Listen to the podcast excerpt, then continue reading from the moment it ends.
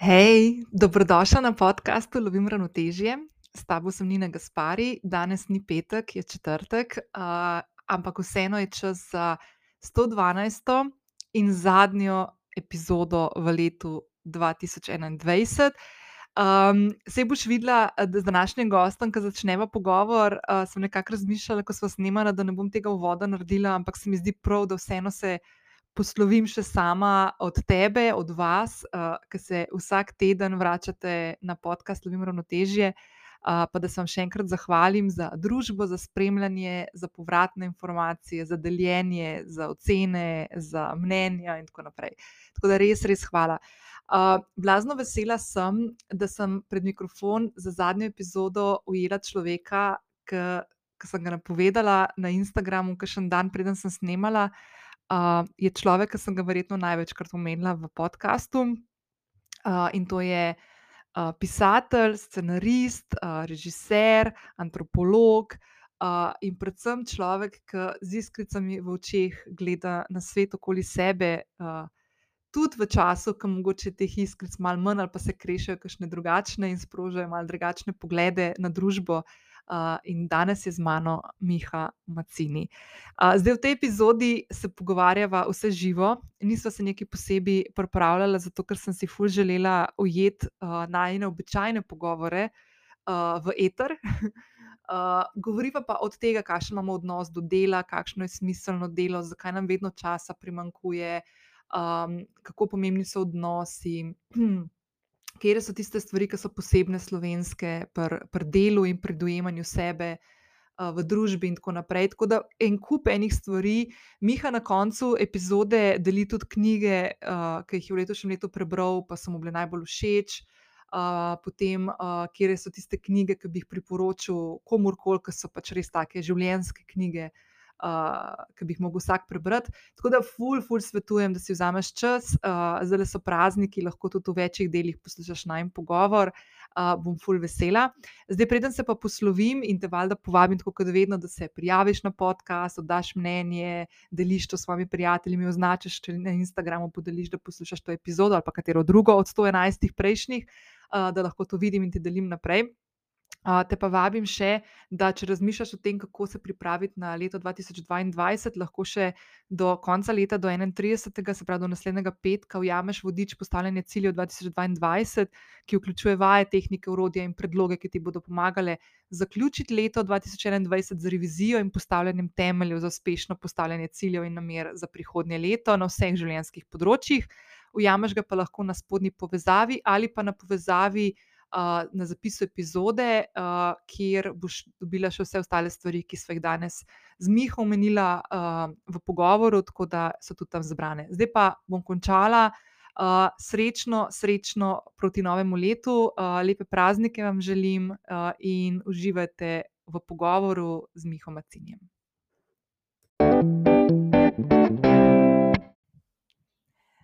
Hej, Miha. Živijo, a to že dela? Ja. Uh, okay. Si že v etru. Okay. okay. Ne, da bom jaz kar povedala, tako, kar takoj povem, um, da sem uh, precej uh, z metulčki v trebuhu. Um, da, in ta teden, ki sem povedala, da bo v četrtek prišla zadnja epizoda letošnjega podcasta v Eter, uh, sem povedala, da bo, sto, da bo to z gostom, ki sem ga verjetno največkrat omenila v podkastu. Ampak glede na to, da ti podcast ne poslušaš, tega ne veš. Aha, očitki, očitki. Okay. Tako da, evo, drage dame in gospodje, uh, Miha Macini je zadnji gost uh, podcasta v letošnjem letu in verjetno, glede na to, kako smo vam mi za pogovarjati, ne zadnjič gost, upam. Upam. Bo okay. videla, bo videla kako nam bo šlo. No? Uh. Okay, uh, okay, najprej mi povej, kako si.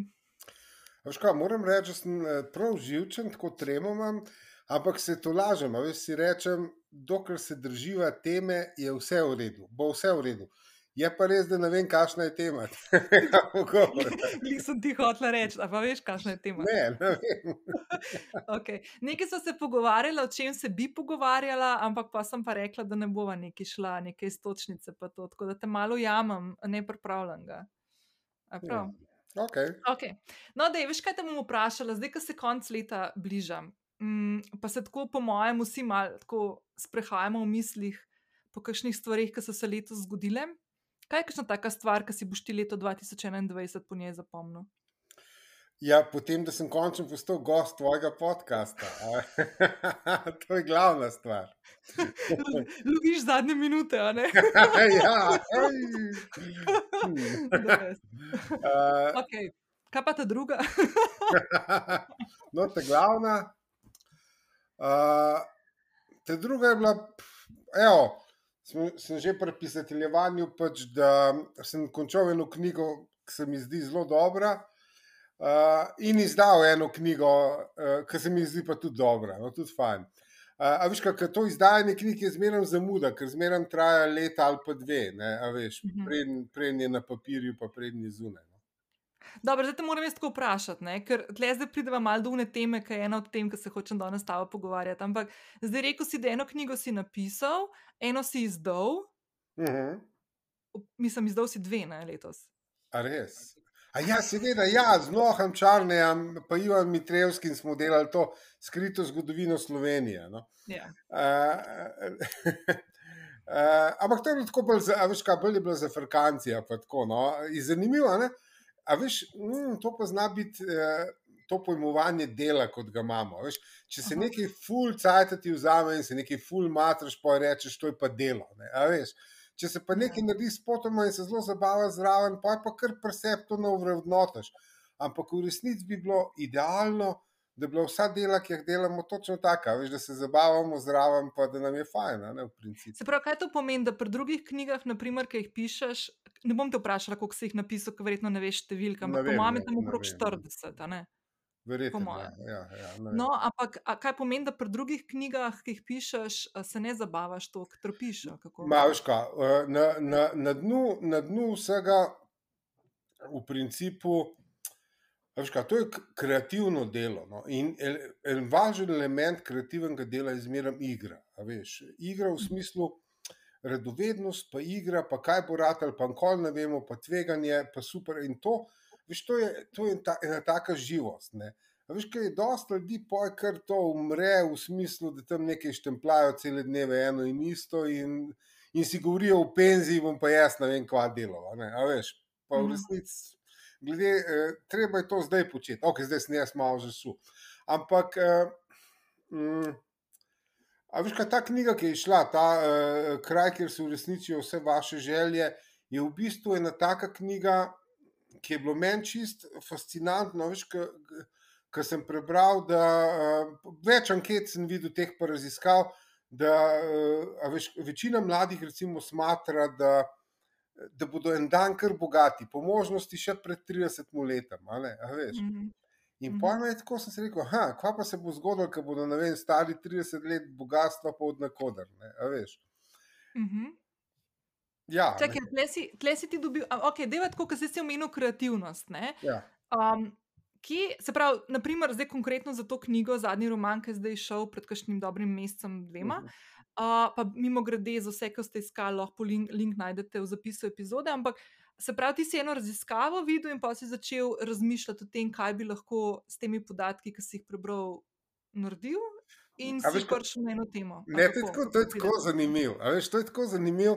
In je, a veš, uh, ka, hm, a veš, jaz sem odraščal ob, stari mami, uh, ki je imela eno, mislim, v bistvu dve knjige. No. Ena je bila pač Biblija, ena so bile pa življenje svetnikov. Uh, in uh, življenje svetnikov, a veš, knjiga, knjiga ima naslov Življenje svetnikov, v resnici pa govori samo o smrtih. Ne. Vsak dan v tej knjigi en svetnik umre. In ona mi je vsak dan prebrala enega, ki tam umre. In brala mi je tudi iz Biblije. In, ta, in tam v Bibliji, to je tako čudno. Veš, bil sem tako, po moje, pod sedem let strne. Veš, in ona mi je brala zgodbo o Izaku. Ne, mhm. in jaz sem vedel, da to bom pa jaz. Tudi enkrat povedal to zgodbo na drug način. Ne. A veš, to bo nekoč tema nečesa, o čemer bom jaz pisal. A veš, tako. In pa imaš to en kup, ne, mislim, ne en kup, ampak so neke teme, ki jih nosiš vse, to bom pa jaz enkrat. Ne. In uh, uh, poj, to je bil en element, da sem zmeraj hotel povedati to zgodbo o Izaku še enkrat. Drugi element je bila, poj, se je sestavljal skupaj, drug košček sestavljen, kaj je bilo to. Uh, a veš, to, da ljudje ustrajajo v nekih slabih službah, nezadovoljni so totalno, zato ker, ker uh, upajo, da dan bo pa bogatstvo udarili in vsi njihovi problemi bodo rešeni. Kar pomeni, veš, da sodoben sistem ni vem, kapitalizem ali pa neoliberalizem, da to ni ekonomija, ampak gre za uh, verski sistem. Veš, ti moraš verjeti, da en dan bo pa kar čudo. To je bil drugi element, tretji je bil pa ta, da sem hodil tam mm, laufat, oziroma na, na hitre hoje, uh, mimo stožic. Ne. A veš, in sem gledal tist, uh, tisto razvalino shopping center, v bistvu, kankoli ni bil zgrajen in očitno tudi kankoli nov. No, in en dan, to je zmeraj čudno, ampak to je tako lepo.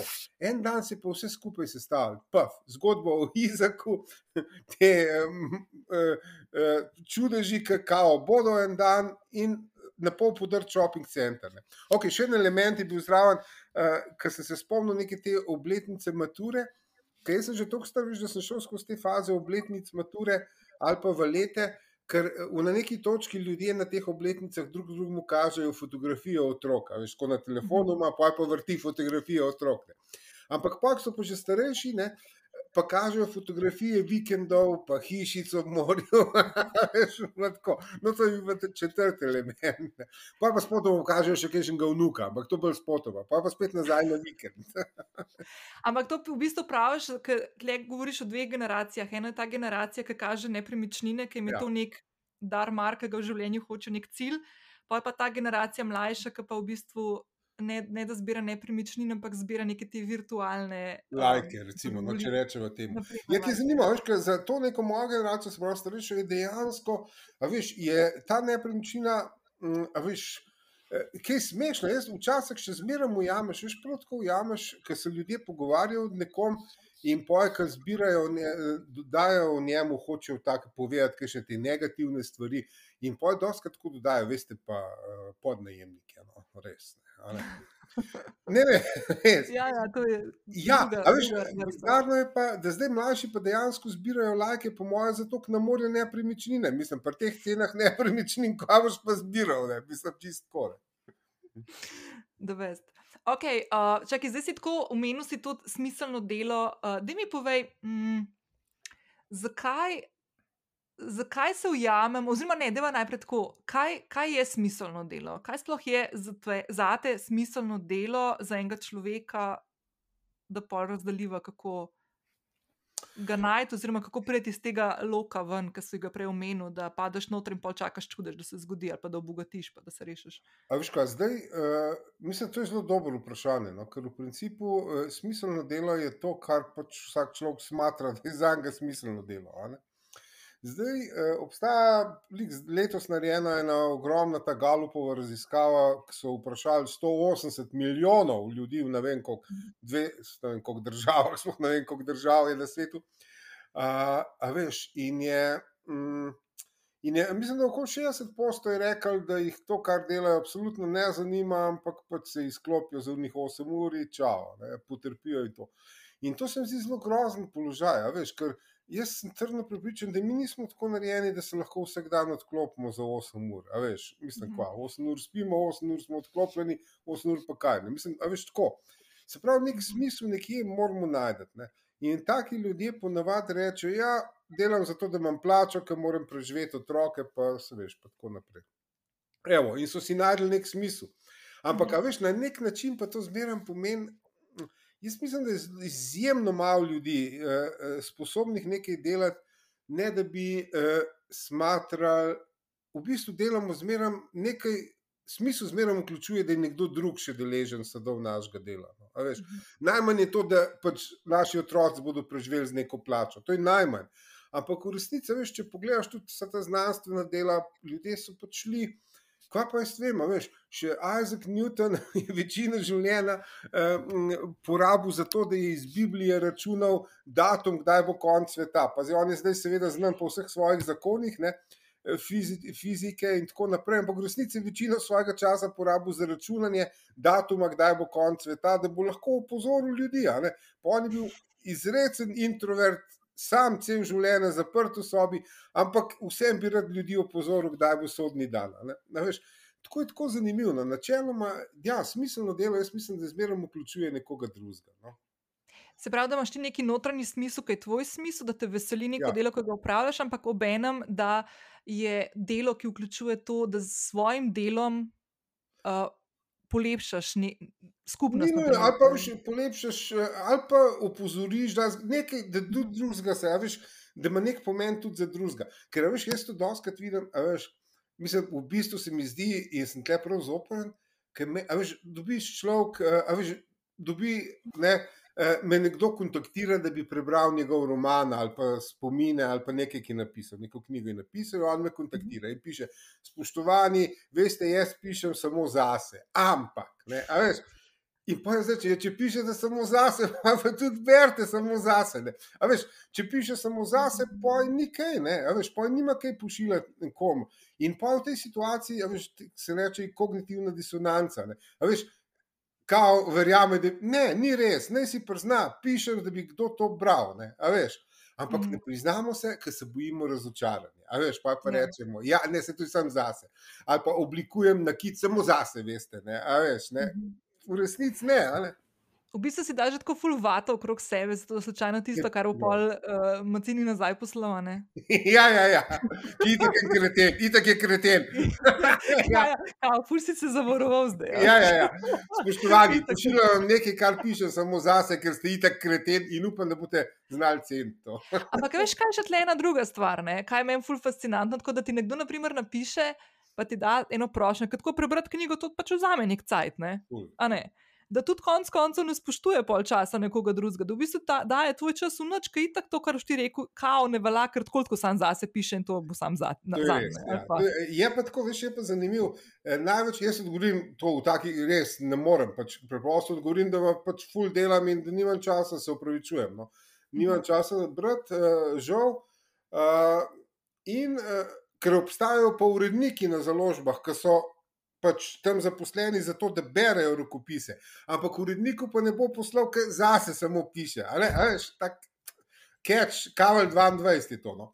Okay, ampak pa, pa dosta ljudi mi poje odgovori, ki jaz rečem, oprostite, nimam časa, oni mi odgovorijo, čas je samo funkcija motivacije. ne. Bolj ste motiviran, več časa najdete. Kar je res, ne, vse je to res. Ne. Ampak, ne, uh, ja, ne, ja. Ok, ok, veš kaj, zdaj si čas, zdaj so čas. Ne? Dej, Ja. ja. pa šla še nazaj na smiselno delo, v bistvu ga bo prepletla zdaj. Um, tam, kdaj smo imeli predavanje, ti septembra, ki sem ga jaz tudi poslušala? Ja, mislim, da je bilo ja, Septembra, v. Portorožu ja, o, o tem, o našem odnosu do časa. Ne. Pa zakaj nam ga vedno zmanjkuje? Tako, ja. No, zakaj imamo tako, zakaj, nam, zakaj je vedno premalo časa? Zato, ker ga merimo. Ja, dejansko je res. Ej, eh, jaz ne enkrat, mislim, evo, zdaj smo pa pri tej knjigi, ki je napisana, pa še ni šla. Ne? Sem klečal pri budistih deset dni. Klečal sem pri budistih. Zdaj to tam- mogel povedati. Ej, Obljubim, da bomo do tega še prišli, pa da bomo razložili, zakaj. Ja, zakaj sam si pazi, hoče, sam nekaj vam povem. Okay, jaz tam klečim, ampak oni ti, pazi zdaj, najbolj zanimiv moment, ki mi tako se prav usede no, to možgane, ga nam pozabi, je, oni ti dajo vrečko. Ne? In pa ti v to vrečko zložiš vse, osebne denarnice, dokumente, telefon. Telefon daš v vrečko, vse. In pa zategneš to vrečko in unijo zapečatijo in jo vržejo v nek sef. Ne. In pa ti greš klečati. ne.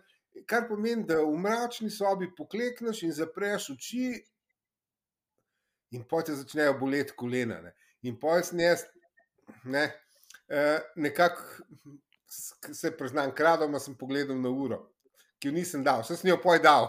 Ampak ugotovim, da je minil 15 minut, 15 minut in da bom jaz mogel še 3, koliko čak, 9 dni, 23 ur, pa 45 minut še klečati. In zakaj se je tako dolgo vlekel? Okay, ne le zato, ker je bilo neprijetno, ampak tudi kasneje. Zato, ker nisem imel časa, ga je bilo nenadoma ogromen, ogromen. Se tudi ljudi, ki jih vržejo neke samice, recimo, se ne vejo, ni tako časa imenila, ampak sem to vedel, da je bil ogromen, da je bilo celo življenje tam biti sam sabo, zaprt v enem prostoru. In zdaj, bolj mi čas merimo, manj ga imamo, ne? to je osnova. Zato skrijem, jaz moj smartwatch pred tabo. ja, smartwatch ima, drug problem. No? Mm, to bi se enkrat omenil, pa je resnično zgodba, sem omenil eni kolumni in tudi na unu predavanju. Uh, okay, treba se nekaj zavedati, uh, da prosti čas se mora razlikovati od službe. Uh -huh.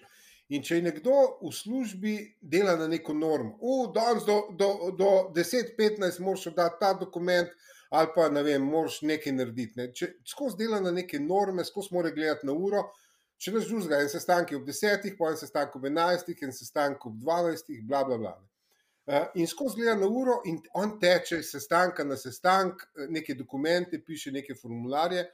Uh, in kaj zdaj tleh? In kaj ta človek poje naredi? Ne? Cel dopoledne je gledal na uro, pa pride domov in reče: O, oh, Madonna, dosmam te službe, zdaj grem pa jaz teč, da se sprostim. In poje da gor. Smart watch, in zdaj on gleda na smart watch in teče. Aha, rekord, aha, do tega uvinka, pet sekund sem preteral, v redu je, evo, rekord, osebni rekord. On ponovi svojo službo. Zdaj je norma. Mhm. In spet dela normo, ne? v službi mhm. dela normo, v prostem času dela normo, in ta je res primer za izgorelost, ne? ker se ne zna sprostiti. Ne? Mhm. Uh, in dejansko se je tako, da res je, ki je nek znanc, no, ki on je pač izgorel v tej služ eh, neki službi, izgorel. Uh, in jaz sem ga, in sem jaz to takrat rekel, enkrat ta smartwatch, jaz ne vem, no, uh, skozi to gledaš, skozi meriš korake, pa sekunde, pa laufaš, pa vse to. Ne. In on izgori. In poj, ja, in poj uh, res je rabo dve leti, da je vse prišel, in pa ga jaz spet srečam in reče: Miha, ti si mu prav, ta smartwatch je smrtne. In je rekel, me je izučil, in zdaj pa po službi hodim plavati. In mhm. res, je rekel, jaz plavam, pa to je zen, čas mineva, ne, zen, plavam. Ampak pa pa srečo sem zdaj mesec, dva kasneje, ne, in on že ima en paket, ki iz pošte gre, tam v centru Ljubljana, da se reče, on gre iz pošte. In jaz rečem, kaj pa je to zdaj? In on reče, Miha, dobil sem smart plavalna očala, ki mi merijo, koliko sem zamahnil, koliko metrov sem naredil, koliko bi čas lapa. Evo, gotovo je, jaz ga zdaj od pač korona, ga nisem več videl dve leti, zihar je spet, mislim, izgorel je. Ne. Uh, čak, to si takrat na predavanju kondome omenil, kako tudi šteje. Ja, ne, a veš, kar, eh, eh, a veš to, je, eh, to je zdaj doba meritokracije. Ne, kao, mi bomo vzeli vse mhm. merili. Poj pa un, ki bo največ izmerjen, a veš, bo. Eh, bo uh, je tisti najbolj, ne, veš. Mhm. Zdaj, včasih, pazi, ne, zdaj tako, veš. Uh, ja, in dejansko sem omenil, ko primer, sem pokazal na internetu, vi lahko kupite pametni kondom, ne, ki po spolnem odnosu lahko podelite na socialnih omrežjih, koliko ste porinili, pa koliko kalorij ste vi porabili. In nenadoma je tudi, je tudi spolni odnos šiht, na normo delate in tekmujete tam, ali vi zdaj tekmujete, zdaj pa tam je pa nek hoze v Mehiki, ki ima tudi pameten kondom in zdaj vidva pa tekmujete. Ne. Janes iz, Dobrove tekmuje s hozejem iz Mehike in zdaj divjata, kdo bo večkrat porinil. V resnici pa verjetno oba dva sedita pred televizijo, pa gledata pornič, pa mahata z unmo kondomom, zato da ga ne, pač, da proizvajajo vne gibe. Ne. Tako da je to, eh, po drugi strani, še pa. Totalno, uh, ker je mi, uh, Banka Slovenije imela nekega direktorja Kranca, ali kako se je že pisal. Mm -hmm. On se je enkrat v intervjuju rekel, rekel, pa meni ni jasno, je rekel, kako so te neke razprave o umetnosti, kjer film je boljši in kjer je slabši in tako naprej. Uh, Ker je to ja, čisto jasno, kako tako je rekel. Ne. Film, ki je imel 100 tisoč gledalcev, je bolj od unga, ki je imel samo 99 tisoč gledalcev. Veš, to je ta um tega, uh, tega, uh, tega uh, smart kondoma, no, kaj je rekel. ja, ja, to, ja ker so številke, sam tiste. Ja, ja samo številke so kao pomembne, ampak ok. Eh, za večino stvari v življenju po številki niso najbolj pomembne, in kar je najbolj neverjetno, so sta dva dobila Nobelovo za to, mislim, en je njih Kahneman, da sta zračunala dejansko, pri kateri številki denar neha, plača neha biti pomembna. Mislim. Eh, in dejansko je ta številka, zdaj se nas spomnim, sorazmerno eh, ni tako zelo visoka, in, in od tam naprej pa mor, so pa druge motivacije. Ne, ne more človek reči, hodim v službo, zato dobim eh, plačo, ok, do določene plače. Ja. In to je ta plača, da imaš osnovne potrebe zagotovljene, ne pa že imaš hrano, stanovanje, bla, bla, bla, ne vem, te stvari. Mhm. Pa naprej so pa druge motivacije. Pa se tudi to raziskavo, ki si omenil Galupovo v teh ne vem koliko državah, ki je bila narejena na 180 milijonih ljudi, uh, tudi Slovenija je bila noter, um, je v bistvu na prvo mesto je bilo tako, da je na prvo mesto dajalo odno, ali bilo, ne, to bo za delo, a ne? To je bila raziskava za delo narejena. Uh, čak, ne vem, kje misliš, o, misliš v smislu. Ali, uh, o... Ne, ja, ja, ja, mislim, tako se je opreomenil. Galupova je sprašvala o tem, ali vas zanima to, kar delate v službi. In mislim, ja. da je nekako tako, da je bilo enih, eh, samo enih 15 ali 20 postov rekli, da jih zanima, se pravi, se njihova mhm. zanimanja prekrivajo s tem, kar, za kar so plačani. Ne? Ja. Uh, eh, 60 postov, to se okoli 60 je bilo teh, potrpim, odklopim se, eh, tako pa tako. Uh, mislim, da je bilo pa čez 20 odstotkov, je bilo pa aktivno, uh, so rekli, da aktivno sabotirane. Se pravi, v svoji službi so aktivni saboteri, prav tako delajo, da gre vse na robe, namenoma, ne? kar je zelo zanimivo. No? To je bil najbolj presenetljiv del. Ne? Ne, ampak je bilo pa pol tudi, je bilo to v tej raziskavi, um, kaj je tisto, kar ti je najbolj pomembno v delovnem okolju? Ker je plača v bistvu tudi v Sloveniji padla, zdrsnila na full. Ja, ja, ja, ja, ja, ja, ja. Uh, plača je zdrsnila. Ja. Veš, ker, uh, dejansko, veš, mi ljudje smo, uh, smo bitja odnosov v smislu. To je tako, veš, in to je najbolj, veš, kaj to je doba individualizma, pa vsak je sam, pa se, vsak bo ne vem, kva sam naredil. Ampak v resnici, veš, smo ljudje, vzpostavljamo odnos. Kader pridemo v stik z drugim človekom, se začnejo, uh, se začne ta telesa, uh, ko ne rečem, adaptirati drug drugemu. Dejansko eh, to so tako fenomenalne raziskave, ampak da se refleksi se uravnotežijo. Se pravi, če recimo, da sem jaz, imam slabe reflekse, pa me dajo v skupino z dobrimi refleksi, in enako imam boljše reflekse, kot sem nek sam sposoben.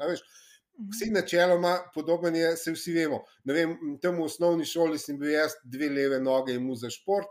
In pa je bilo tako, ne. če so me dali s slabimi laufati, ne, mm, eh, smo bili vsi skrb za noč. Če so me zdaj pa z boljšimi, so me pa boljši grdo gledali, ker sem jih kao uničil rezultat. Ampak se, jaz sem sam zraven počas laufal, ampak sem imel uničil rezultat. Ne. V principu, moj rezultat je bil pa za me super. Ne. A tle je vplivalo tudi to, da pač hočemo biti sprejeti družbeno? Zmeraj uh, hočemo biti sprejeti. Ja, Viš, tle, uh, tle je, uh, tle je tako zanimivo, znan je tisti poskus od Aša, ki so ljudje, ki so posameznika spustili v eno skupino, ki je nekaj trdila o geometrijskih likih. To je trikotnik, to je kvadrat, nekaj so tam govorili. In zdaj uh -huh. 60% teh posameznikov. Se je pridružil skupini, a veš, in so, ja, ja, to je trikotnik, ni trikotnik, ni, a veš. Ampak, a veš, in je to dost, dolga leta je to, ta poskus je bil tam 70 let nazaj narejen in dolga leta je veljal, veš, da, da je to konformizem, ljudje se lažemo za to, da bi bili sprejeti. A veš, ampak je pa pojk, ki je bila oprema na voljo, je pa Serž Moskoviči naredil isti poskus, sem so ljudje na glavi nosili tako da so malo lahko videli v možganjih, kaj se dogaja. In so gledali neke barve. In ta skupina je govorila napačne barve. Ne. In isto se je 60% ljudi pridružilo tej skupini v teh napačnih barvah, ampak na možganjih se je pokazalo, da oni ne da lažejo, oni res vidijo napačne barve. Tako močna je skupina. Vsi veš, doskrat se ljudje sprašujejo, kaj pa mi je bilo, kaj pa mi je bilo. Se viš ti najstniki, ki imaš te umore, ki so najbolj kruti, ki se dva najstnika spogledata in reče: Če pa če bi do poklala starše, o, kot dobra ideja. Veš, ne res, mm. veš. In pa, pa, pa čez čakmo, čakmo, veš, kva pa nam je bilo. In ne znajo razložiti. No. Uh, mislim, najstniki sploh ne, veš, ker možgani še nimajo melinske izolacije dobro narejene. Ta se naredi do konca, tam pa 23 ali kdaj. Tako, zato so spo, sploh se združujejo v skupine in se prepletajo čisto. To je prav nevreten. Ampak to, po mojem, zdi mi tako fulu pozorno, tudi zdaj v tem obdobju zadnjega leta, pa pol, kako se tako te individualisti probamo zdaj združiti za neko kolektivno dobro, pa nam ne gre čist najboljši od rok. Ne? Pa, pa pa se pogrupiramo po nekih skupinah, tudi če mogoče kdaj ne misliš čisto kot tista druga skupina, ampak je fajn, da si sprejet, pa ker tvoje mnenje je podobno unim drugim, pa te rečejo, ja, ja, pa ti kimajo. Ali je tako malo tudi? A, jaz mislim, pazi, jaz bi celo trdo, da zmeraj hočemo biti sprejeti. Veš, mhm. ker pazi, uh, ker ljudje v resnici ne ločimo med.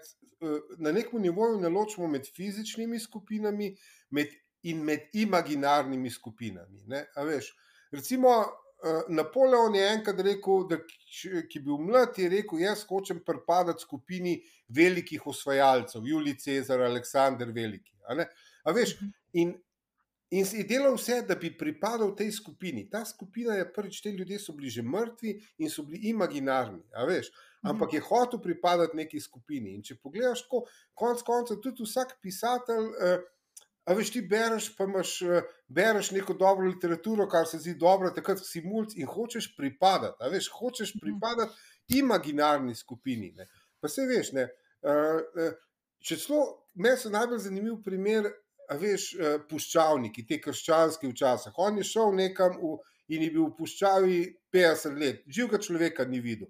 Ampak ni bil osamljen, ker je mu pripadnost, a veš, drugim puščavnikom in Bogu. Veš, on je pripadal in ker je pripadal, je bil tam lahko sam, ker stvar pripadnosti je na nek način, to je pa je v glavi. Veš, če, aha, jaz pripadam, veš, pripadam velikim herojem, pripadam ne vem, uh, ne vem kakšnim osvajalcem, uh, in to je v glavi. Ne. Drugo je pa tudi, mhm. seveda, nujno za večino ljudi, da pripadajo k neki fizični skupini. No, mhm. Ker smo zelo fizični biti. No. Ej, zdaj, mislim, nisem mislila, da bo šla v politiko, ampak nisem, ne, ne to politiko, zdaj, ki imamo. Ampak tako, zdaj, naslednje leto so naprimer volitve. Ne? In mi imamo ja. ena, ena od pripadnosti tudi to, da si po ne, nekem nazoru, če ne že ja. celo, ki je učlanjen v neko politično stranko ali pa v neko smer razmišljanja ali pa nekega vrednotanja v družbi. Um, kako, naprimer, kako se pri človeku, kaj, kaj mora en človek, naprimer, če. Pri, ok, dajmo primer. Naprimer, da se ti zdaj z neko politično opcijo, ki je pripada že par par deset let, ja. naprimer, ali pa si jo že malo podedoval v družini, uh, pa se malo čutiš, da ni več to tista smer, ki je tvoja, ker nekako imaš občutek, da se več ne strinjaš z večino stvari ali pa tistimi ključnimi vrednotami. Kaj je tisto, kar naprimer mora človek presep narediti, da te stvari začne tako premikati, da se odcepi od tega in da poišče neko novo opcijo? Kako to ponovadi gleda? To so kar težki premiki. To je, zelo, to je zelo težko. No? To je dejansko zelo težko. To je recimo nekaj raziskav, se spomnim. Na, ki so, uh, mislim, da je bilo v stanju v, uh, krščanskega verovanja v Sloveniji. In večina uh, pač, um, ljudi, ki se deklarirajo sebe za kristjane, so rekli, da so pač po tradiciji, ker so starši, pa stari starši, pa mhm. pač oni nadaljujejo. Ne. Se s tem ni nič narobe, uh, uh, ker smo vsi upeti v določene tradicije, kako smo, uh, uh, smo zrasli gor, ali pa smo se jim uprli, ali pa se nismo. Uh, Ampak, veš, uh, ni tle nekaj, da, da ga je, veš, nenadoma neko odkritje in da se je pridružil, ne? ampak načeloma mi nadaljujemo to. Pa se veš, tudi pri američanih, doskrat rečejo, iz, prihaja iz družine republikancev, veš, ali pa ja. iz družine demokratov. Veš, to pomeni, da pa ni njegova odločitev, v principu se ja. nadaljuje. Ne? In en lep primer, no, če pa so pa recimo pri ameriški politiki, je. Viš, republikanci so recimo predlagali tam v 60-ih od univerzalnega temeljnega dohodka tudi do splošnega zdravstva. Republikanci v Ameriki. Mm -hmm. Na Aljaski imajo neko obliko tega, tega splošnega dohodka, republikanci je to naredil. In mm -hmm. potem pa not pride, a veš, zdaj, uh, ok, minevajo leta, in zdaj recimo not pride Trump, ki je po mojem, mislim, 50 eh, let nazaj, sploh ne bi vedeli, republikanci, kva bodo s takim človekom. Ne bi vedeli. zdaj so se pa not potunkali. Zdaj pa nekdo republikan začel življenje, ne bo zdaj odstopil zaradi tega Trumpa, veš, ali, mu, ali bo šel totalno z njim. Pa noče nič slišati, ali ima pa neke dvome, ki jih skriva.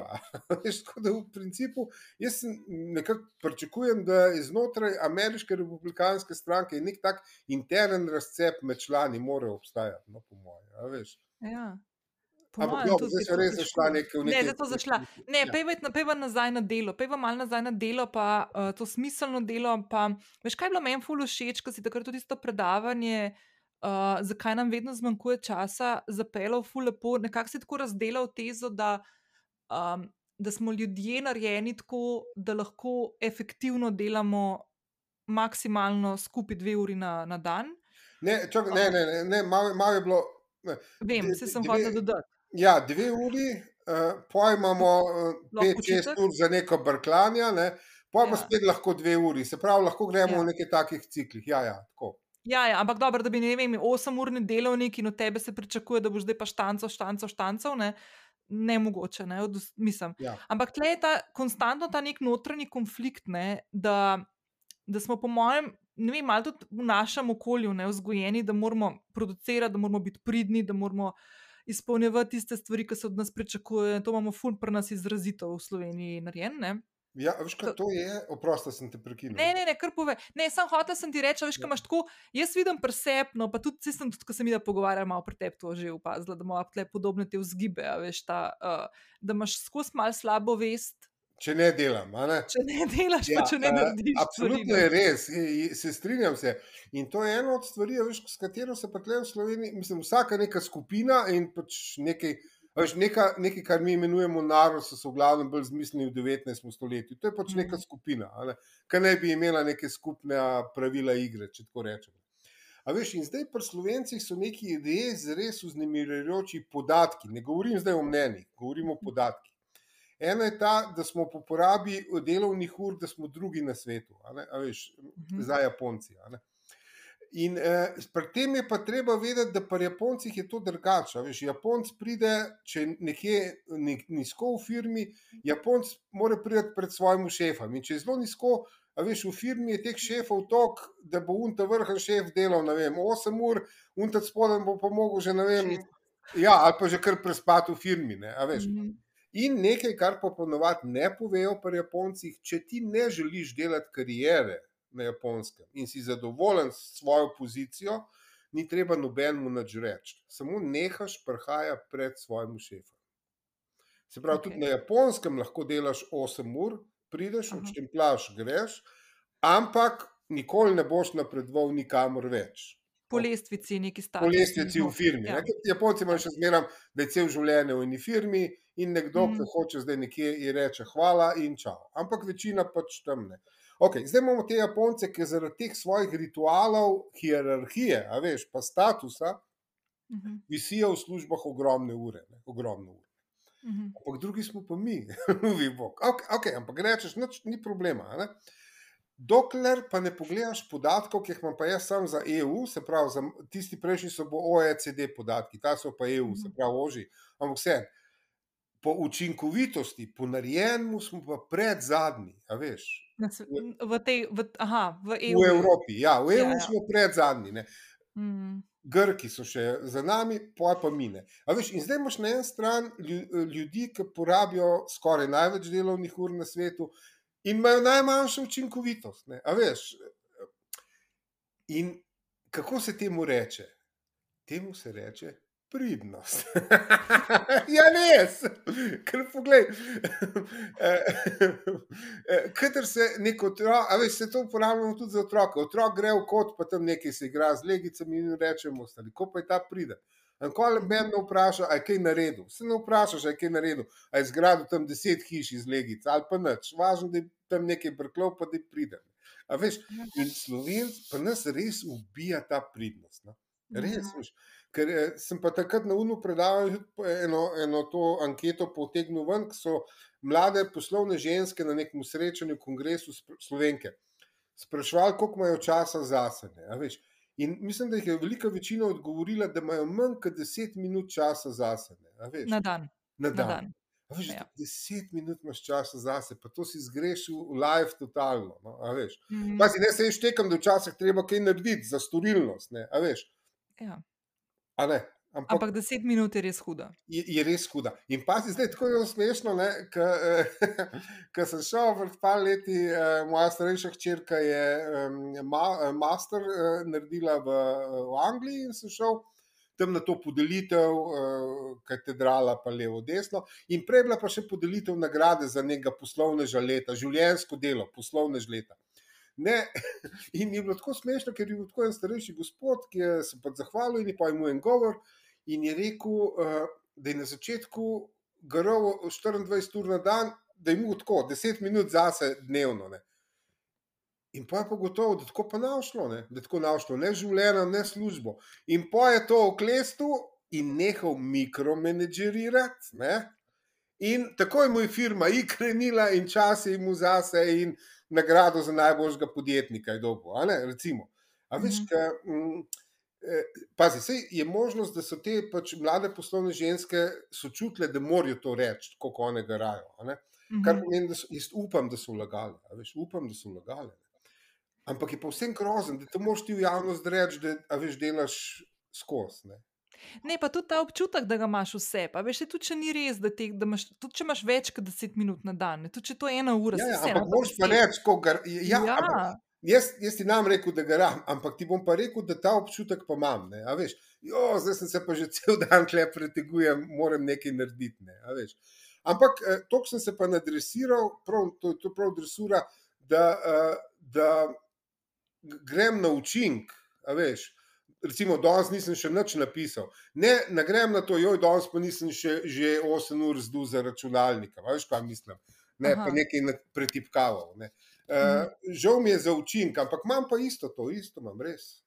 Ej, kako pa pri sebi upravljaš, naprimer, kakšen tak dan, kaj danes, naprimer, ki, nisi, ki imaš občutek, da mogoče nisi nekaj učinkovitega naredil, nek, ne glede na koliko časa bi ti vzel, ampak tako, da res rečeš, ok, tu mi pa dvez, da mi je to danes radar. A veš kaj, v bistvu. Uh, uh, okay. uh, v bistvu kar težko, moram reči. Je pa Mhm. nekaj drugega res, veš, da, uh, da če človek dela pač neko pisateljsko oziroma ustvarjalno delo, uh, je itak en del možganov to skozi delo. a ne, a veš. Mm. In uh, jaz, takrat, ko sem klečal po runih budistih, sem še kar nek roman napisal v glavi, ki ga nikoli nam napisal v resnici. Ampak v glavi so ga možgani kar sestavljali. Bil sem brez eh, zunanjih impulzov, eh, veš, tišina, zaprte Mhm. oči, mrak in drr, možgani delajo. Tako da tako se je, to se je, eh, eh, si niti ne predstavljam, ko en človek, pač dela, eh, rečemo, temu možgansko delo, da bi se to eh, lahko za dalj časa izklopilo. Dobro, ampak meni je to ful pomembna stvar, kar si zdaj povedal. Prvič to, da, da to ni lahko presegati, ne, tak, Mm. te, te vz- z- notranje te boje, ki jih imaš sam s sabo, naprimer, ki imaš občutek, da nič konkretnega danes nisi naredil. To, po mojem, imamo kolektivno gledano. Ne, Imamo. Imamo. a Okej. prav- Ja, ne samo še to sem hotela reči. Druga stvar je pa ta, um, no, se zdaj sem zgubila. taktika, taktika. Ne, to, to, to sem hotela reči. Uh, da pa, pa obstaja en kup enega dela, ki ga ti delaš, ampak ga ne jemliš kot delo, ne? Uh, ker nimaš nekje ali napisan, ali preračunan, ali ne moreš dati v neko postavko, ali karkoli, kot si ti rekel zdaj, da si praktično en roman še zraven napisal, takrat, ko nisi delal, ko si klečal pa meditiral. To je Naprimer. vse res, ampak eh, bolj, eh, zdaj treba. veš kaj, Sodobno, sodobni kapitalizem se v glavnem ukvarja z zaračunavanjem eh, tega eh, dela, ki smo ga včasih eh, delali eh, za ston, v korist drugega. veš. Mhm. dela, ki je povezoval ljudi. Recimo, se veš, Uber ni drugega kot kar uh, uh, avtoštop, ki ga plačuješ, pa razni prevozi pri nas. veš. Mhm. Včasih si človeka za ston nekam pelal, če želi tjašal, zdaj pa treba to plačati. Uh, Airbnb je zrastel iz unga, kaj bi nek couchsurfing, veš, kaj ti za Mm. dajo, da so ljudje lahko prišli in tako naprej. Skratka, zdaj prav iščejo vse. Aha, najlepši primer. Uh, včasih smo si posojali zapiske ali pa plonk listke, a veš. Ja. Danes jih pa zaračunavajo, a veš, preprodajajo jih. Ne. Tako da, da je zdaj so taki časi, da je treba vse nekaj preprodajati. Ovrednotiti je treba v denar, ne neki. Ja, a veš, uh, Ja. ovrednotiti je treba v denar. Ampak je še zmeraj ena najlepših stvari, a veš, se pa vse ne da ovrednotiti. ne. In da v Mhm. bistvu unka vse ovrednot je zelo siromašen, veš, na koncu dneva, ne, ko skozi računa. Ne, veš. Ok, ampak zdaj sem tudi jaz malo zašel. Kaj pa je bilo vprašanje? Sorry. Ne, nič ne. Sam to sem hotela, ker mi je ful dobro take stvari se pogovarjati, ker se mi zdi, da, da so nam tako skupne in da doskrat ne znamo ve- Imaš občutek, da si sam v tem, veš, da tako imaš občutek, ta, Ne, ne. um, ne, da, da Nismo nekaj sami. nisi Pazi. naredil. ali kakorkoli. Ne, prvo je, te, prvo, zdaj konkretno za slovence govorim, prva je ta pridnost. a Veš, ta obsedenost pridnostjo, da je treba nekaj delati, v tem smo, to je neverjetno. Uh, čeprav so pri nas te reformacijo so pregnali v 17. ali kjermu stoletju, ampak to je temelj kalvinizma, veš, da moraš skozi nekaj delati. In ker prideš, recimo, jaz sem davno. V mladih letih sem prišel uh, v Nizozemsko in hodiš tam Rotterdam, Amsterdam in so vse ogromne, ogromna, ogromna okna imajo hiše in brez zavesne. veš. Mhm. In si misliš, že, kako so te ljudje zaupljivi, ne, ne šljivijo zasebnosti. Ne. In pa ti povejo, ne, ne, ne, to je zato, da skupnost lahko kontrolira, da skozi delajo, veš, ljudje. Ja, ja, ja. Pazi, jaz sem enkrat imel pogovor z gospod, ki je bila stara predvsej čez 80 v majhni slovenski vasi in ona je imela pred svojo hišo uh, klopco. In jaz sem ji rekel, oprostite, ankol vas nisem videl sedeti na tej klopci. Ne? Je rekla, ankol tudi nisem sedela v teh 80 letih, kva bodo pa sosedje rekli, da kar posedem, da nič ne delam. Ne? In zdaj se mi dva tam menimo, zdaj Miha, tle, neki reformator. In s to gospod se prepričujeva. In na koncu moram reči, da je bilo tako win-win situacija, pol-pol. Gospa je šla sedeti na klopco, prvo 80, prvič v življenju, ampak je vzela s sabo štrikanje in je štrikala, zato da sosedje. ne. Ja, Okay, ja. prva je ta pridnost, se pravi, neprestano je treba nekaj delati, učinek pa ni važen.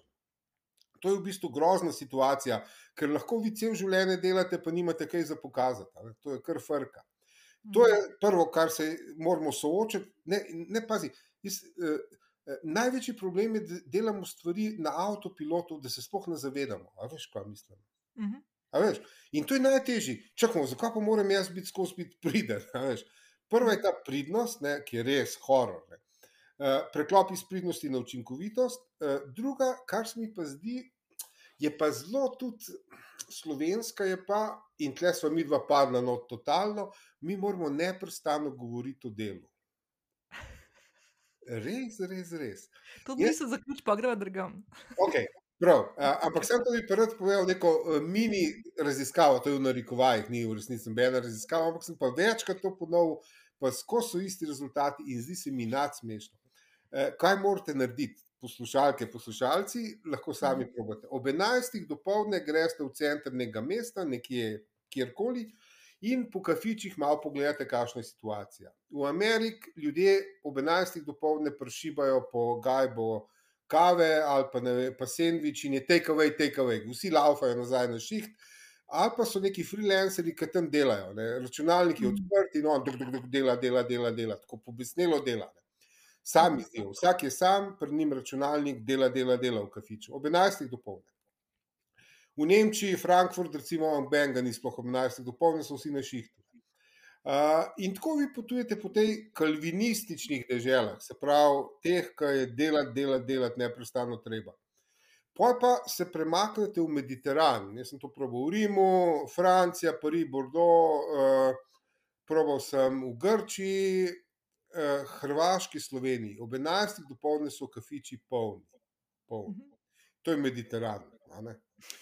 In zdaj je tle na pogled zelo fajn, si rečemo, pa se Slovenija je Mediteran.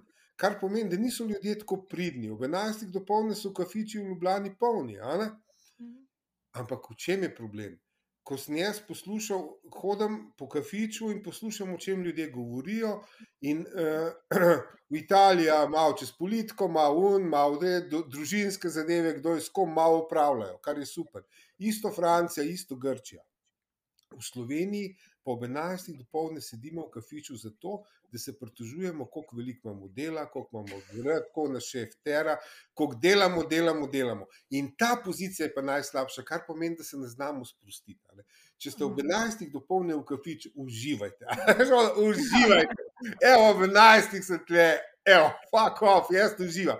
In to je ta problem da tudi, kadar smo v prostem času, govorimo o delu. In tle pa pride spet smartwatch, ne? ker je poje tudi delo, kako hitro si laufo in vse to.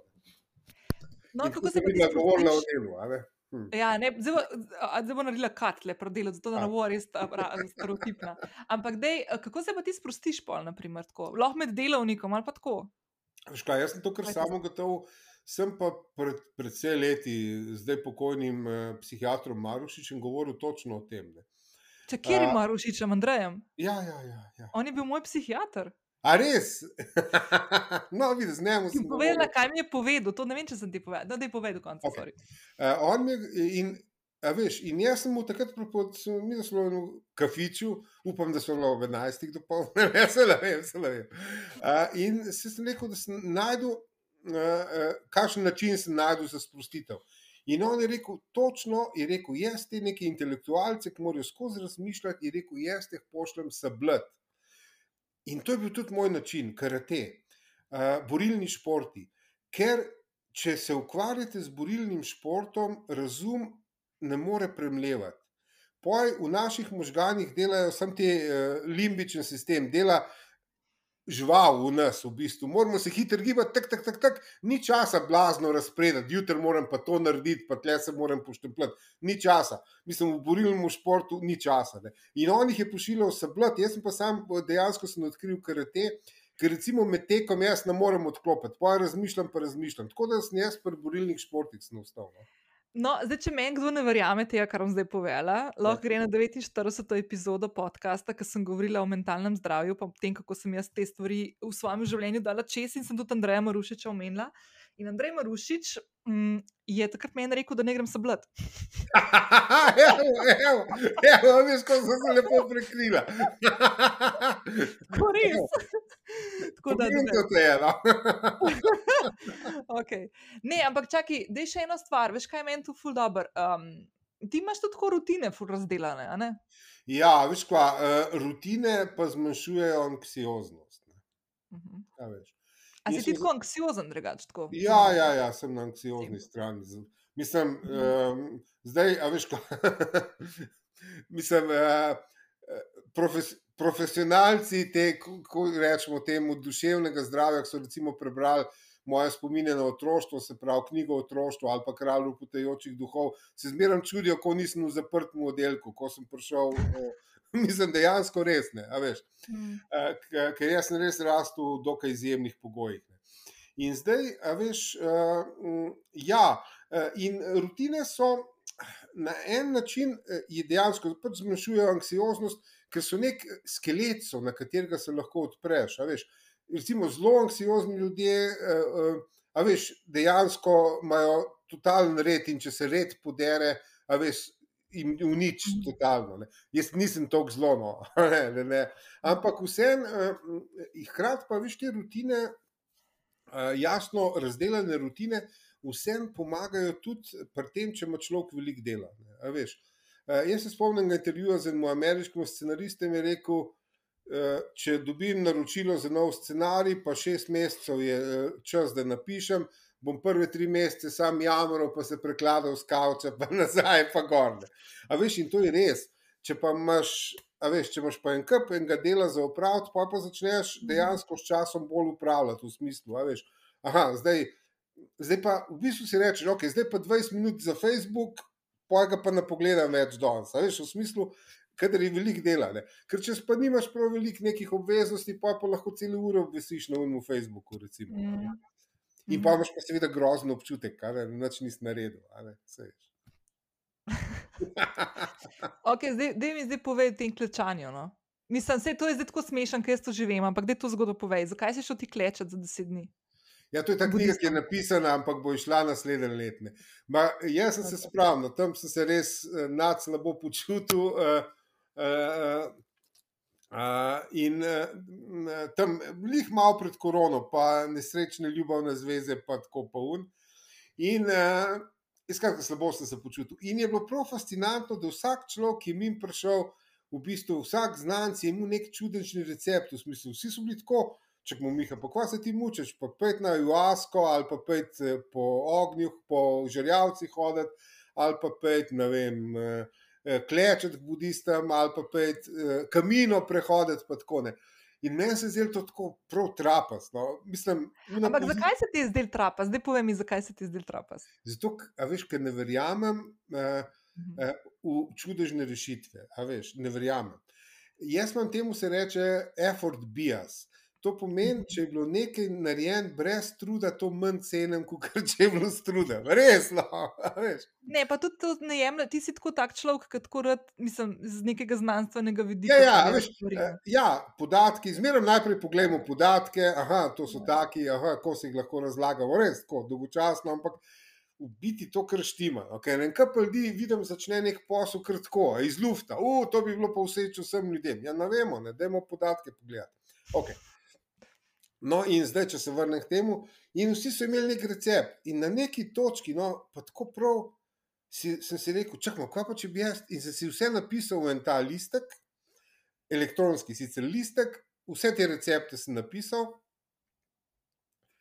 In si rekel, vse bom naredil, naenkrat, drugega za drugo bom naredil.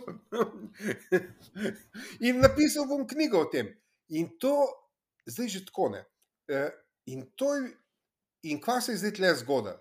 Iz nekega žalosti in tuge, in uh, se pravi, iz pasivne pozicije, uh mhm. -huh.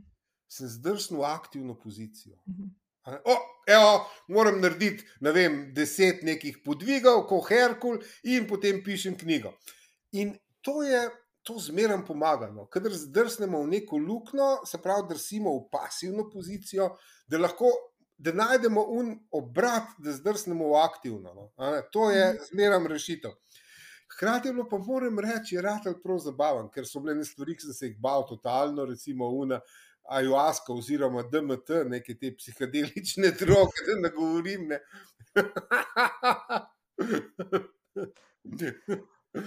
kjer sem jaz kadil, pa kadil, pa kadil to in sem bil tako prestrašen, da se mi nič ni paril. Unki je bil pa zraven mene, zato da me pazi, se je pa zvrnil.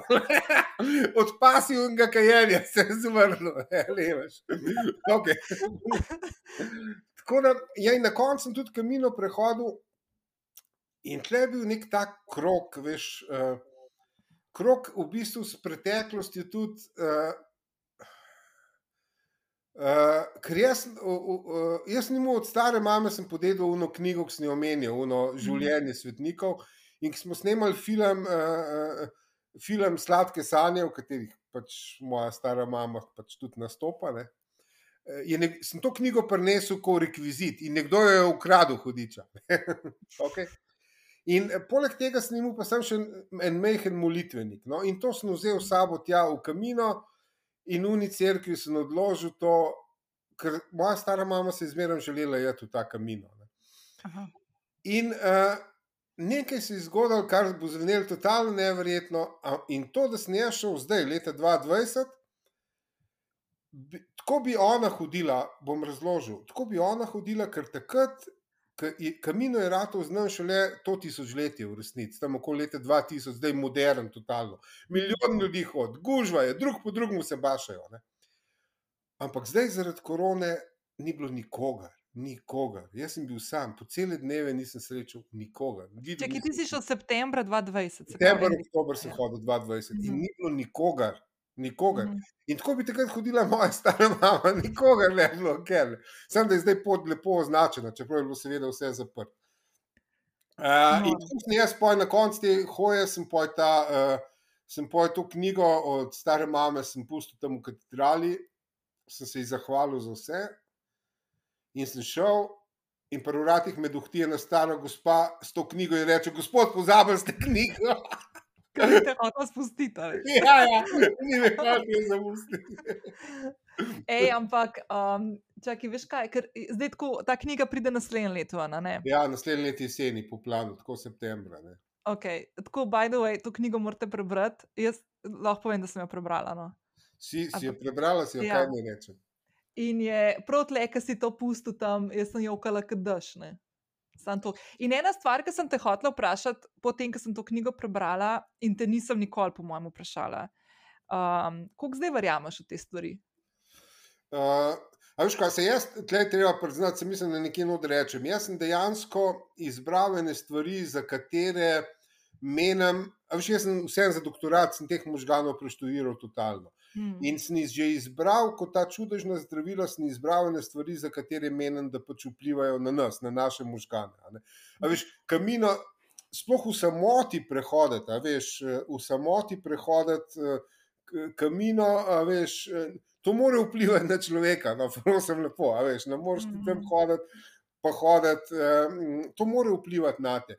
Isto tudi se veš, psihedelične droge, pa tako od takih, ki sem jih jaz zelo z rezervo dal zraven, ki so se mi zdele zanimive, je recimo je ta hoja po žrjavci. Ne? Veš, hoja po žrjavci, ok, greš čez žrjavce, ok, moraš zbrati pogum. Uh, In mi je pa doskrat zanimivo, mi ostane, preden se za kaj odločim, mi ostane un trenutek, ki je pred tabo žrjavca in žari, in ti dvigneš nogo, dvigneš nogo, in jo potem, ne, un trenutek je ta noga v zraku, in pa rečeš, ajmo, a veš, ker včasih ja. in, in ti ostane ta trenutek tudi kasneje, veš, v življenju se treba ja. odločiti, ajde, ajmo. Ja. Ampak to je čisto ta prvič, ki greš, prvič se dotakneš ja. skožo žrljavce. Ja. Ja. A veš, ker ja. to je nekaj, to so ja. možgane si spravljali v neko situacijo, ki ne poznajo. Veš, ja. In razum tle vršči, čak malo, to ima, vem, 800 stopinj, ja. pa zdaj trepaš, veš, to žari pred tabo. Mm. A veš, to ni šanse, ampak nič, jaz sem. Eni so bili tako malo upečeni, pa tako, meni pa nič ni bilo, no, moram reči. No, to sem jaz imela, ker sem šla prvič v ledeno vodo. Ta občutek, ki sem si mislila, ni šans. Ne? Ledena voda, zdaj pa jaz priznal, tako skrivajkle, sem jo imel na seznamu in to je edina stvar, Winghoff metoda je edina stvar, ki sem jo odstranil seznama. uh, Sem se pa začel zjutraj po tuširanju še polivati, mislim, da se potuširajo še z ledeno mm. vodo. To sem pa začel. Ampak ti se priporočam. No, ok, ok. Priporočam. Pa tudi okay. raziskave, jaz zmeraj pogledam raziskave, dejansko kažejo, da je to druga najboljša stvar za višanje imunskega sistema. Prva je dober spanc, druga je pa hladna voda zjutraj. Čeprav, veš, da mislim, da glih um, včeraj, mi da se to zdaj v ponedeljek pogovarjava, v četrtek gre to ven v nedeljo, je včeraj je pa en ena objavil prav o tem kopanju v ledeni vodi, pa tuširanju z ledeno vodo. In je bilo tudi par, je, so vključili, mislim, enega angliškega zdravnika, ki je čist demantiral.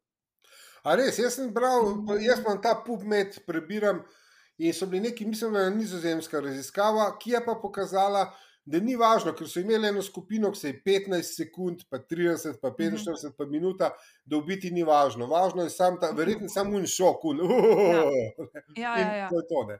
Ne, aktivacija, po mojem, tega tvojega um, čist telesa in vseh njegovih funkcij, ki smo jih že davno začeli opuščati, veš, ki smo tako v, v dobi živimo. Pa nekaj ne? res je, uh, reset tega vagusa, ja. živca, veš. In, uh mhm. Uh, je, je, ne, je pa zanimivo, veš, recimo, če, recimo, kar me nekako nisem pre, prej prebral ali pa vedel, slišal, pri tej hoji požarjavci.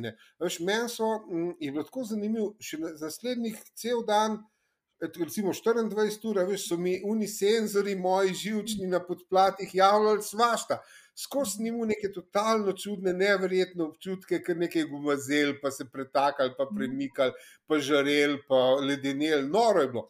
In se šel na bazen plavati za eno uro, in pa se je uštimal na normalno.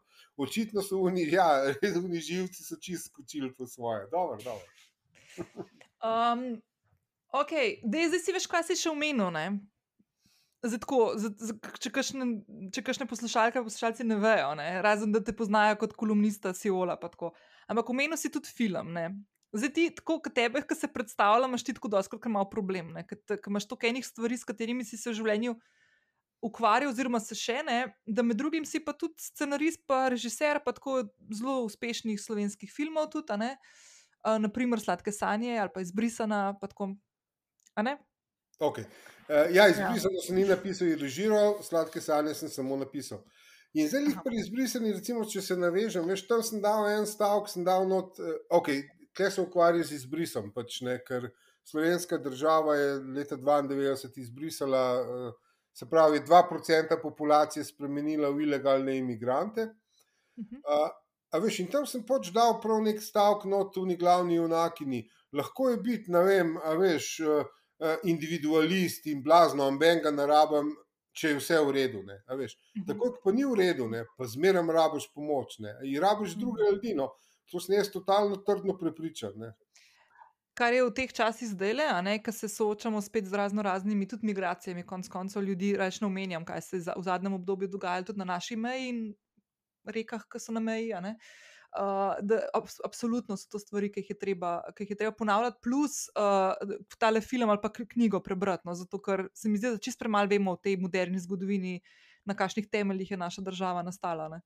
Uh, kakšnih nelepih temeljih je. Viš, evo, recimo, ta izbrisana je, je, tako, tako, je zelo zanimiv. Uh, Veš, ker je zanimiv od vseh vzrokov, za kar sem kdaj šel pisati, je ta tak najbolj neobičajen, In po mojem se bodo to poslušalci smejali, v principu, tega kretena. Ampak čutil sem moralno dožnost, da to naredim. E, ker e, je un trenutek, ko sem jaz to prvič zvedel, sem mislil, da zdaj le vsi slovenski pisatelji pa filmari delajo nekaj o tem. In mhm. potem so leta minevala in ništa, noč, tišina, veš, vse smo pozabili, halo, kva pa je zdaj tone. Ok, dejansko so. M, uh, nevladne organizacije, sploh mirovni inštitut, so zbirale te zgodbe in tako mhm. naprej. To je vse res. Tudi eh, snemali so te dokumentarce, kjer so ljudje prepovedovali svoje življenjske zgodbe in tako naprej. To je vse res. Ampak v, se pravi, v igranem filmu in v literaturi pa nula. Veš, mhm. in uh, in potem sem gotovo, mater, pa se to. To bo šlo mim, ne? in sem prav čutil moralno dožnost, da nekaj napišem. No.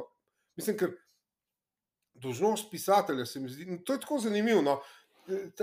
Dožnost pisatelja je konec koncev da naredi kroniko svojega časa, veš, v dobrem in v slabem. No, veš, in da pogledajo ne stvari od blizu, kaj pa jaz vem. Veš, recimo, mm, roman Fani, e, to je moj roman. No. In ta mhm. roman Fani, a veš. Uh, Snijest uh, je v bistvu o spolnem turizmu. In zdaj, če ti greš tam na Tajsko, pa vidiš une moške tam z unimi mladenkami, vse je jasno. Prišli so zaradi seksa in vzdušje je grozno. No, da tako rečem, prav vsi so b, grozno. E, če pa greš v Afriko, pa kamor hodijo ženske, a veš, je pa vzdušje super, vsi so nad zadovoljni, res ne. In posebej sem prav kar e, veliko pogovorov uh, s temi ženskami, ker je to neka taka subkultura tudi v Sloveniji, poznajo drug drugo, pa si pomagajo in tako naprej. Jaz sem prav kar uh, veliko pogovorov. In posebno gotovo najprej tako, veš, da ni stvar uh, v seksu, je pa parih procentih, ne?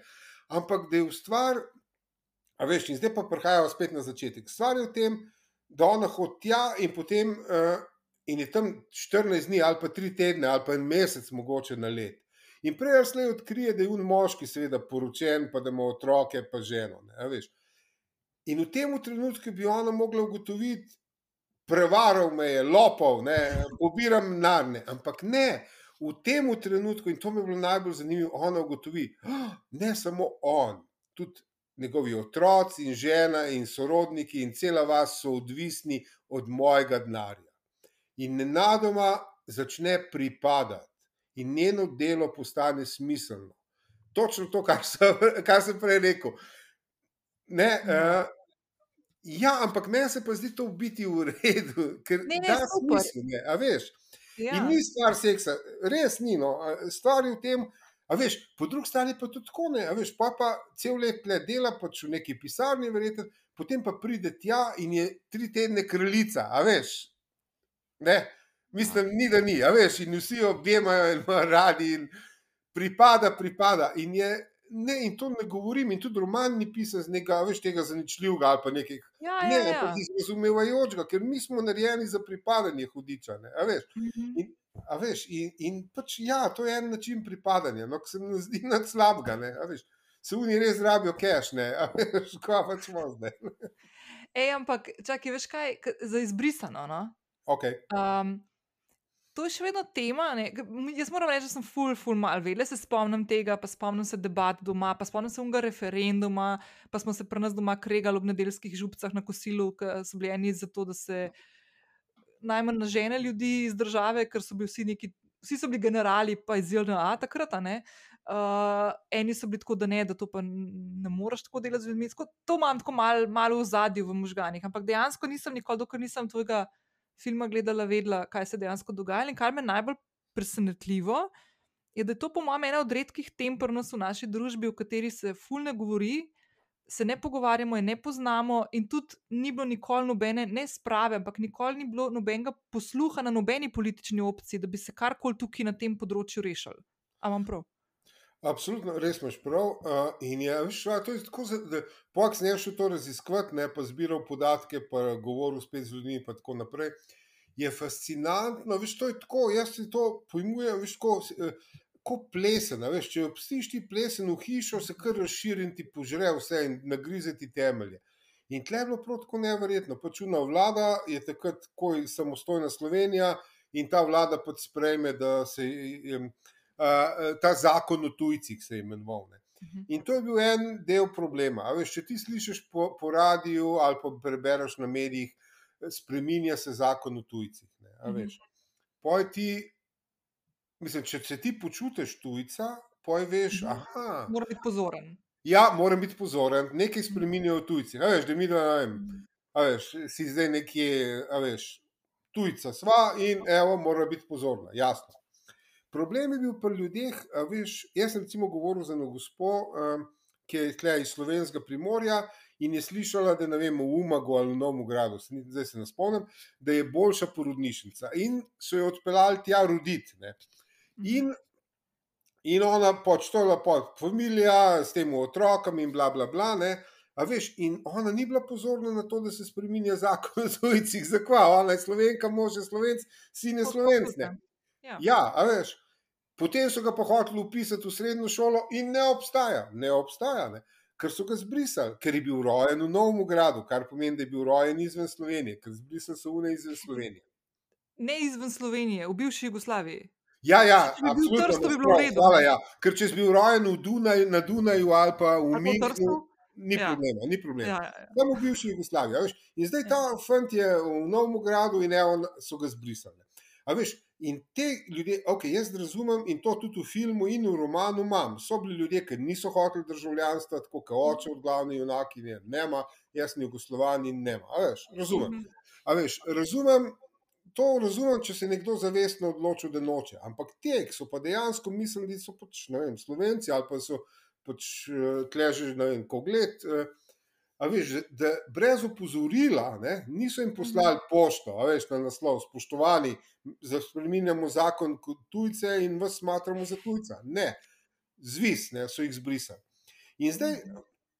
a veš, in potem so se, ne, in potem so ene od njih deportirali, metali čez mejo. Eh, sedem let so se mogli skrivati, kot ilegalni imigranti, in mhm. grozne zgodbe, grozne zgodbe. No.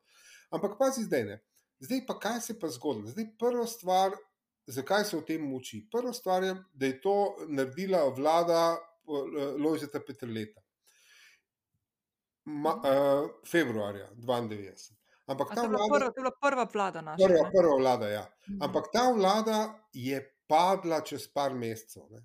in mhm. zamenjala jo, rečemo, leva vlada, od Drnovška, se mi zdi. In je s tem nadaljevala.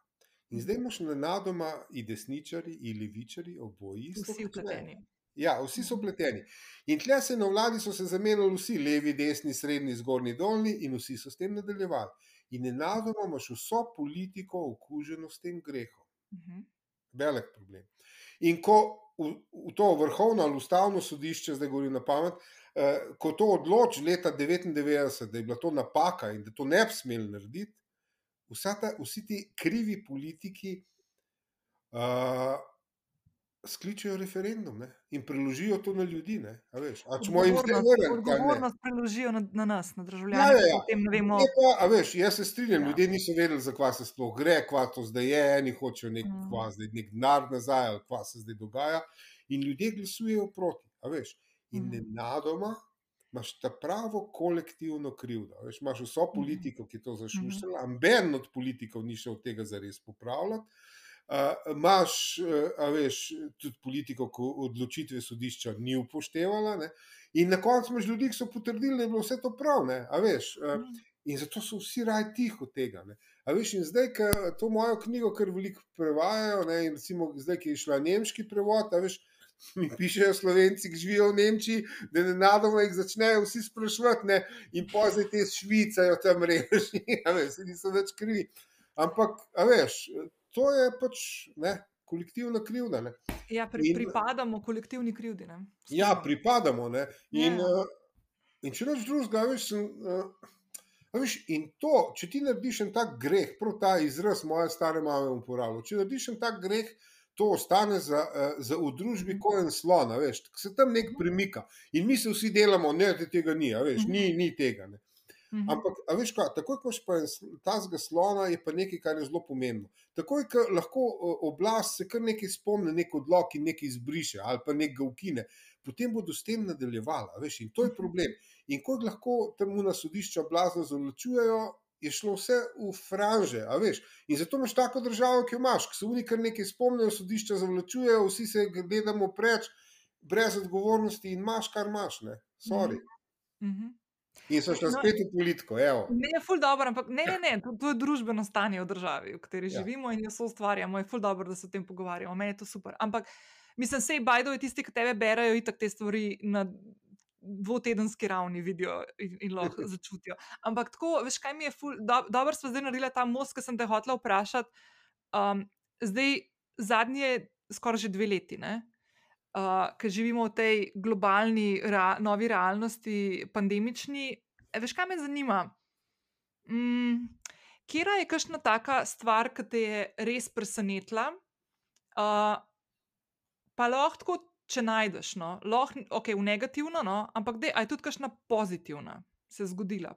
Pa lahko se mogoče na našo, na slovensko družbo osredotočena, kako mi to handlamo. Maška, zdaj tle treba vedeti, ne, da v možganih nam teči amigdala, ki eh, pazi na slabe stvari in jih šiba dalje. Ne. S petkrat večjo močjo, kot na pozitivne. Se pravi, petkrat ve, prej bomo opazili nekaj slabega, kot nekaj dobrega. Ne. Zdaj, če grem jaz nekako po vrst, um, a veš, jaz tam pač pišem te kolumne na 14 dni in potem se usujejo neke pripombe in maili in ne vem kaj. Prvo, kar me je res presenetilo in se mi je zdelo, uh, čakamo, čakamo, tole bo pa, uf, to, to pa nav dober. Je bilo, da sem enkrat, če prej ni bilo cepivo sploh narejeno, sem jaz to menil. eh, A ja, tam sem gledal podatke, sem šel seveda gledati v zgodovini podatke teh epidemij, koliko so trajale. Ne. In Mhm. najkrajša je dve leti. ne. Mm, Dve let, uh, in jaz sem pač ko omenil, spotoma, da, pač, ja, da bo to očitno na 14 dni, ker takrat se je še govorilo, da bo 14 dni, ne, če se Mhm. spomniš. Ja, ja. Ja, da na 14 dni, ampak očitno virus je všel, mislim, da je prišel povsod, je to bo dve let, uh, razen če nav pač cepiva, pa da se cepimo pačavne. Uh, in potem se je usul, in to je bil prvi šok, čak, čak, malo. usul se je, macini, cepil se boš, a stijan šist ali kaj ne. A veš, Aha. A veš, že takrat in jaz imamo kakšno vezo pa ima s tem. A veš, imamo epidemijo, imamo virus, a veš, a, a, a, a veš, a, a se, a se, kakšno vezo ima to zdaj s političnim prepričanjem. Mhm. Prva stvar, in, veš, in dejansko je poj, še zdaj slišiš tam, veš, po socialnih omrežjih se zmerjajo glede cepljenja, veš, Mhm. janšisti pa ne, mislim, ker to res nima veze. Uh, uh, drug problem, ki se mi je zdel, uh, takrat, ko sem se jaz vrnil z kamina, tam enkrat oktobra.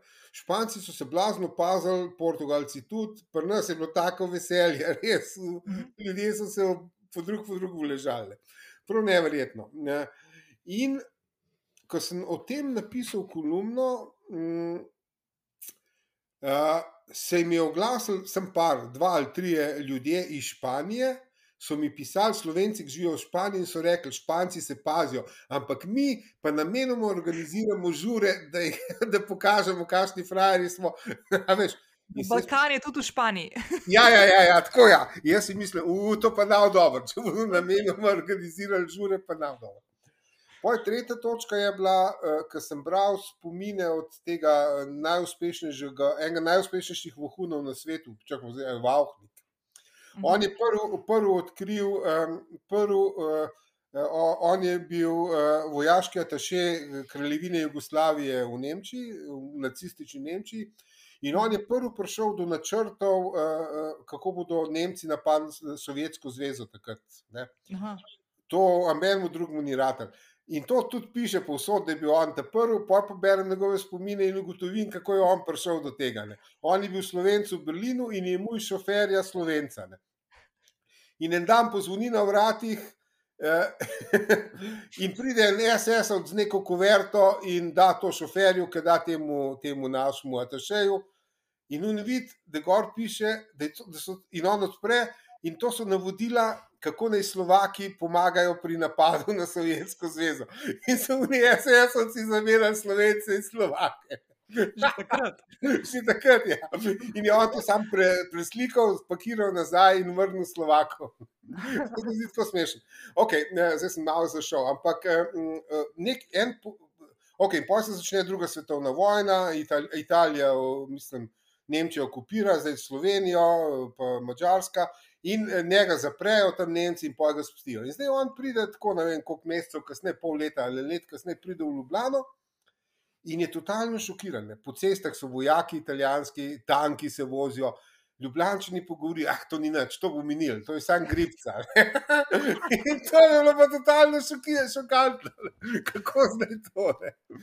Uh, kar kaže na neko težnjo, veš, uh, po, um, po, je, eno od možnih odzivov na nek problem je ignoranca. Pač se delaš, da ga ni, a veš problema. Ja. Uh, to so včasih neki ljudje, so zelo izraziti. Jaz znam en primer ene gospe, mislim, da je američanka, nisem pa čisto siguren, uh, ki se je pelala domov in izumila ogromno ameriško avto, in enega človeka povozila tako, da ga je napeštala od spredaj, imela neko železje. In mhm. on je bil not za rit in tam je jamral in stokovne. In ona je zapeljala v garažo in se je delala, da unga ranjenca ni tam. Ne. In vsake tok časa je šla pogledat, in po enem tednu je bil pa un mrtev, kar pomeni, da je več dni tam umiral, ker se je ona delala, da se to ni zgodilo. In ljudje imajo zelo močne, to, da ne morajo kaj mi ignorirati. Čakaj, ampak, sorry, veš, kaj mi je ful zanimivo, ker mi kot narod to znamo, ja, tako downgrade. Ja, da je to malo poignorirati. Ja. Ja. Ampak po drugi strani smo pa pol tudi žrtve, ne? oziroma nekdo drug bo mogel nekaj narediti, pa da bo pol nam se rešila situacija, ker nismo, ne damo se v aktivno vlogo, pa smo kar malo pasivni. Ja, veš, kaj tle imaš ta, tle vsem treba več stvari. Ena je pač, uh, mi smo bili zmeraj pod tujo oblastjo ne? in ta tuja oblast naj to rešuje. Vse tuja tam oni na Dunaju naj to rešijo ali pa v Beogradu, pa bomo zdaj to mine. Mm. Veš, in je, uh, je zmeraj. Uh, Mislim, sej, jaz sem takrat mulj, eh, ko so bile te črne kozene. Ja, veliko bolj strašna bolezen. Ampak oni so pocepali, ne vem, v enem tednu celo Jugoslavijo, ampak to so pač prekorakale vojska in špikalce, amen. Mhm. Veš, neki tujci so to naredili, ne, veš, ne pa mine. Uh, in je, ja, to prelaganje, to prelaganje, veš, to je vse povezano. In to prelaganje storilnosti na drugega, smo spet pri pridnosti, mi bi delali, delali, mhm. delali ne pa naredili. Ja, ja, ja. Še ja. malo bi razpravljali. Se to je že mhm. dr. Trstenjak pisal uh, v svojih knjigah. Da bi še malo bi razpravljali, da je zdaj mi še malo, te malo razpravljati. Ne, veš, tako, ne. Mhm. Ali bi se uprli, ali bi to naredili, da je mu še malo razpravljati. Tako da, uh, da tle, Okay, čak, jaz zdaj v bistvu naštevam, za zdaj naštevam stvari, eh, ki so ja. me zaskrbele med to pandemijo v Sloveniji, pa upam, da nam najdu kakšno kmenino. do, a imaš kakšno dobro na lagerju? Eno imam še slabo zdaj, a lahko še no, eno slabo. Ja, valjda lahko. A veš, uh, mm, mm, uh, sem jih zanč prebral to končno, za veliko zamudo, to knjigo od Hararija, Hararija to Sapiens. Ne, uh mhm. -huh. In on oddeli pač. Uh, zdaj, v kaj ljudje verjamejo, na tri, na tri, na tri eh, vrste verjetja glede družbe. Ena je ta, eh, da je posameznik najvažnejša, veš, pa posameznik bo vse zrihtal, kar zdrsne v egoizem, totalno jaz, pa jaz, pa jaz. A veš, Mhm. pojmamo une, ki verjamejo, eh, da je skupnost najvažnejša. In te pač na koncu zdrsnejo v nek tak stalinski komunizem, kjer veš, samo množice harajo in grozen. Pojmaš pa te tretje, kjer, eh, ki prisegajo kao na naravo, ki bo otrebila une manj sposobne in sam najmočnejši nadljudje bodo preživeli, to je pa pač nacizem. In Mhm. še, če do vsega je meni izjemno zaskrbljujoče, koliko se je v Sloveniji razširilo točno to, to tretje. V smislu, ker a veš, vsi ti neki lastniki fitnesov, pa telovadni učitelji, pa osebni trenerji, pa zdrave življenje, vsi pač pridejo, COVID, sam po moji metodi morate zdravo živeti, a veš, oni, ki so pa, ne vem, ki pa nas morajo Ironmana prelaufati, oni pa lahko tudi škripne, veš. Mhm. In ta pogled, da aha, aha, zdaj pa prišla čistka in bo spucala te Mhm. une, ki niso In Sam super popolni. narod bo ostal. ne. Ja, ja, sam nad ljudje bodo ostali. ne. In to, Mhm. se je tako, na- to je še najbolj zaskrbljujoče, ker se je ta pogled prav tako, a veš, na tiho, na tiho se je preplazil. Da, Mhm. recimo, jaz zdaj delam nekaj prav, karkoli že to je, ali laufam, ne vem koliko, ali to kolesarim, ali imam neko dieto, a veš, tako, vsi pa ne ostali pocrkajo. A, a veš, Mhm. In, in to se mi zdi zelo problematično. ne. Kaj se, pa, kaj se mi zdi pa dobro, če se vrnem k najmu pogovoru o delu, je pa ta, da je prišlo še do ene čistke in sicer je v tem, da smo videli, kjeri šefi so sposobni lastnega življenja, kjeri pa ne. To so, lastnega življenja so sposobni oni, ki lahko delavce spustijo na home office, na delo od doma. Ne, a. Mhm. Eh, Če ti zaupaš, de- če imaš delavca tam zaradi učinka, zaradi storilnosti, pa on lahko tudi doma to naredi. a ne, a veš. Mhm. Če ga imaš pa zato tam, ker nimaš lastnega življenja in moraš mikromenedžerirati in tam ganjati na ljudi in se potrjuješ tako, da sem težiš, težiš, težiš, poj pa ni dela od doma, ne? ker ti ne obstajaš. Poja, veš, dejansko obstaja nekaj, k čemu rečejo vikend depresija. In to sem jaz Mhm. izkusil pri parih šefih ali pa ko sem delal na nekih projektih. V petek zvečer se usujejo maili, totalni. a Veš, kaj je vse treba narediti do ponedeljka, ker je unčlok prišel dan in tam ima slabe odnose s svojimi bližnjimi, ali pa sam, ali pa in horor. In pa morajo on iti zdaj pa delati in moraš še drugem zagnojiti življenje. Ja. Ok. Pa ukrepov 4000. Ja, se moje Svetoven rekord. Ne. Ja, in jaz, jaz sem trdno prepričan, da je veliko eh, tega zelo slabega vzdušja v družbi je eh, prav po zaslugi teh ukrepov, s- Mhm. ne, ker naši možgani so narejeni za to, da iščejo pravila igre. Ne, a, a Ja, veš. ja. Pa neko In konstanto. Ne? Ja, ja, in tleh ne moramo najti, a veš, ker vsake dva dni se zamenja. Meni se zdi najbolj bizarno od vseh bizarnih ta, da so za tri dni so prepovedali trafike. a veš. Mhm. Trafike so izumili v srednjem veku med kužnimi epidemijami, ker je najbolj varen način trgovine. Ja, un je zazidan not, a veš, in potem se tam skozi luknjo ti poda, kar rabiš in čao. Veš, ne. Oni so to izumili za, za boj proti kugine. Veš, in 600 let je to super, potem pa pri nas nekdo za tri dni to prepove. Ampak, veš, to ni logike. Prvič to, Mhm. drugič pa kva za tri dni. Veš, pa bi mogel prepovedati za tri tedne, pa da vidimo, a padajo, a veš, okužbe ali napadajo. Ne, veš. ne, za tri dni trafike. Zakaj se nekdo s tem ukvarja? A veš, in tle je res. Možgani, mislim, jaz mislim, da so slovenski možgani zdaj totalno zbegani. No, po teh tisočih in tisočih ukrepov se poj, a veš, se poj možgani odklopijo. a Ne, a veš, Ja, se več ne spremljaš. Ja, ne moreš, ne si. moreš, kdo bo to sledil, Mm. prosim. no. A veš, po drugi strani si pa poj, prva stvar je, da se možgani vklopijo. Druga stvar je pa, da mi od naših vladajočih eh, iščemo zmeraj alibi za tiste, ki smo jih postavili, da nam vladajo. In potem mi rečemo, oni imajo en skrit načrt, ziha. Ker sam bolj grozni je to, da ga nimajo. Veš, da so res tako nesposobni. Če So, veš, da so tako nesposobni, kakšen grozen odkritje je to. Ne? A veš, A veš, ampak veš, kaj sem tu jaz tebe zadnjič enkrat rekla. Zakaj, Miha, ti misliš, da oni tole tele dimne bombice mečejo, pa skozi neke šoke, pa škandalčke, zato da nas zbegajo, da se ful osredotočimo na te stvari, oni pa ful harajo zadnji. Ja, jaz se bojim, mislim, harajo verjetno, ja, ampak jaz se bojim, da so res tako nesposobni. Ja, veš, to je grozno. No. Best. Ok, dobro, da vam mogoče iti tako malo proti koncu. Um, letošnje leto, poleg tega, da si ga boš zapomnil, da si na podkastu prvem bil gost. um, to sem te že vprašala, tako da zdaj to je to, da sem te malo že pripravila na ta podcast. Dej, uh, mogoče malo, ker meni doskrat le sprašujejo, kakšne knjige je brati.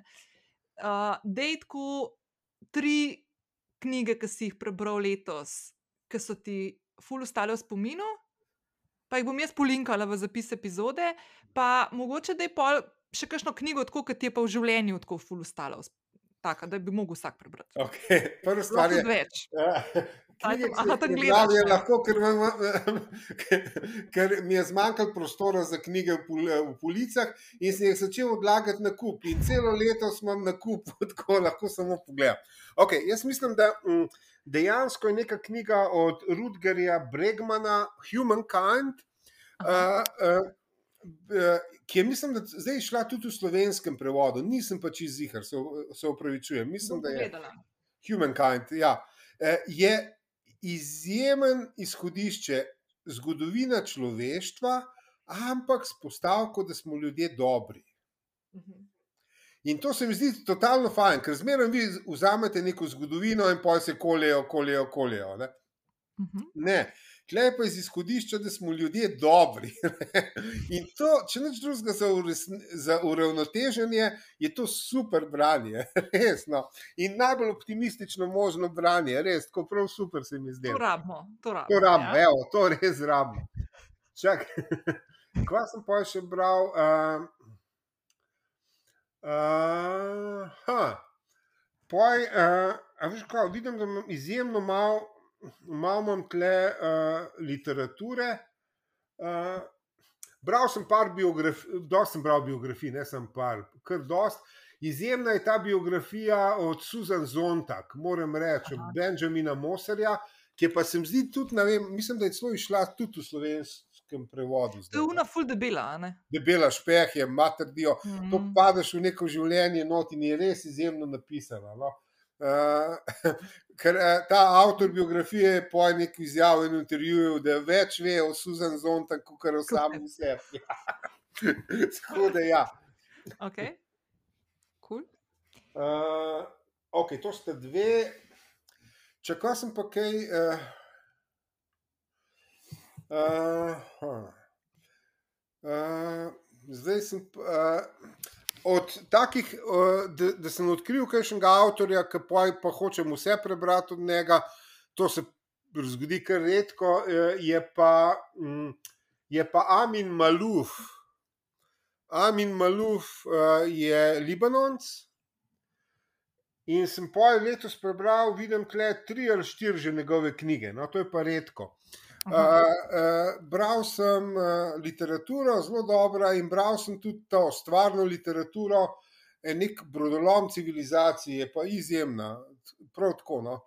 Uh, smešno je pa, ko sem do jaz do tega Malufa prišel, ker sem lani v Parizu sem kupil nek CD Predlani. od enega. Predlani. Predlani, predlani, jo. To pandemijo bomo enkrat gledali kot zelo dolgo leto. Končno leto. Teh 14 dni je res dolgih, Ja, ja, ja. Ampak ključnih. ključnih. ključnih. Uh, ne, uh, sem kupil nek CD od enega trubentača, Malufa in je bil super CD, super. In sem pa nabal vsega tega, vse te CD-je od Malufa, trubentača in on se na vsakem zahvaljuje svojemu stricu, Aminu Malufu, pisatelju. In pa sem Aja. rekel, da bom jaz to preveril. O, the best. Tako da, tako da ne, evo to. Mene zelo veseli, da če najdem, se redko, da najdem pisatelj, ki reče: O, to bom pa vse prebral. ne."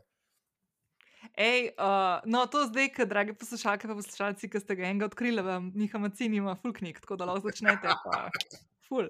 Prijete, prijete tam septembra, nekje, ki bo glih ta nova knjiga šla. Uf, to je pa po mojem že overdose. Ja, A, ko, da, da. ja, to je overdose. že kar vedel, kaj je napisal. ne, ne. Ne, Ej, ta um, nova je presenečenje. Meni se zdi, ja. da je to Je na čisto tem liniji otroštva, pa to, ampak je presenečenje. No. Mm, Ne, dobro, dobro.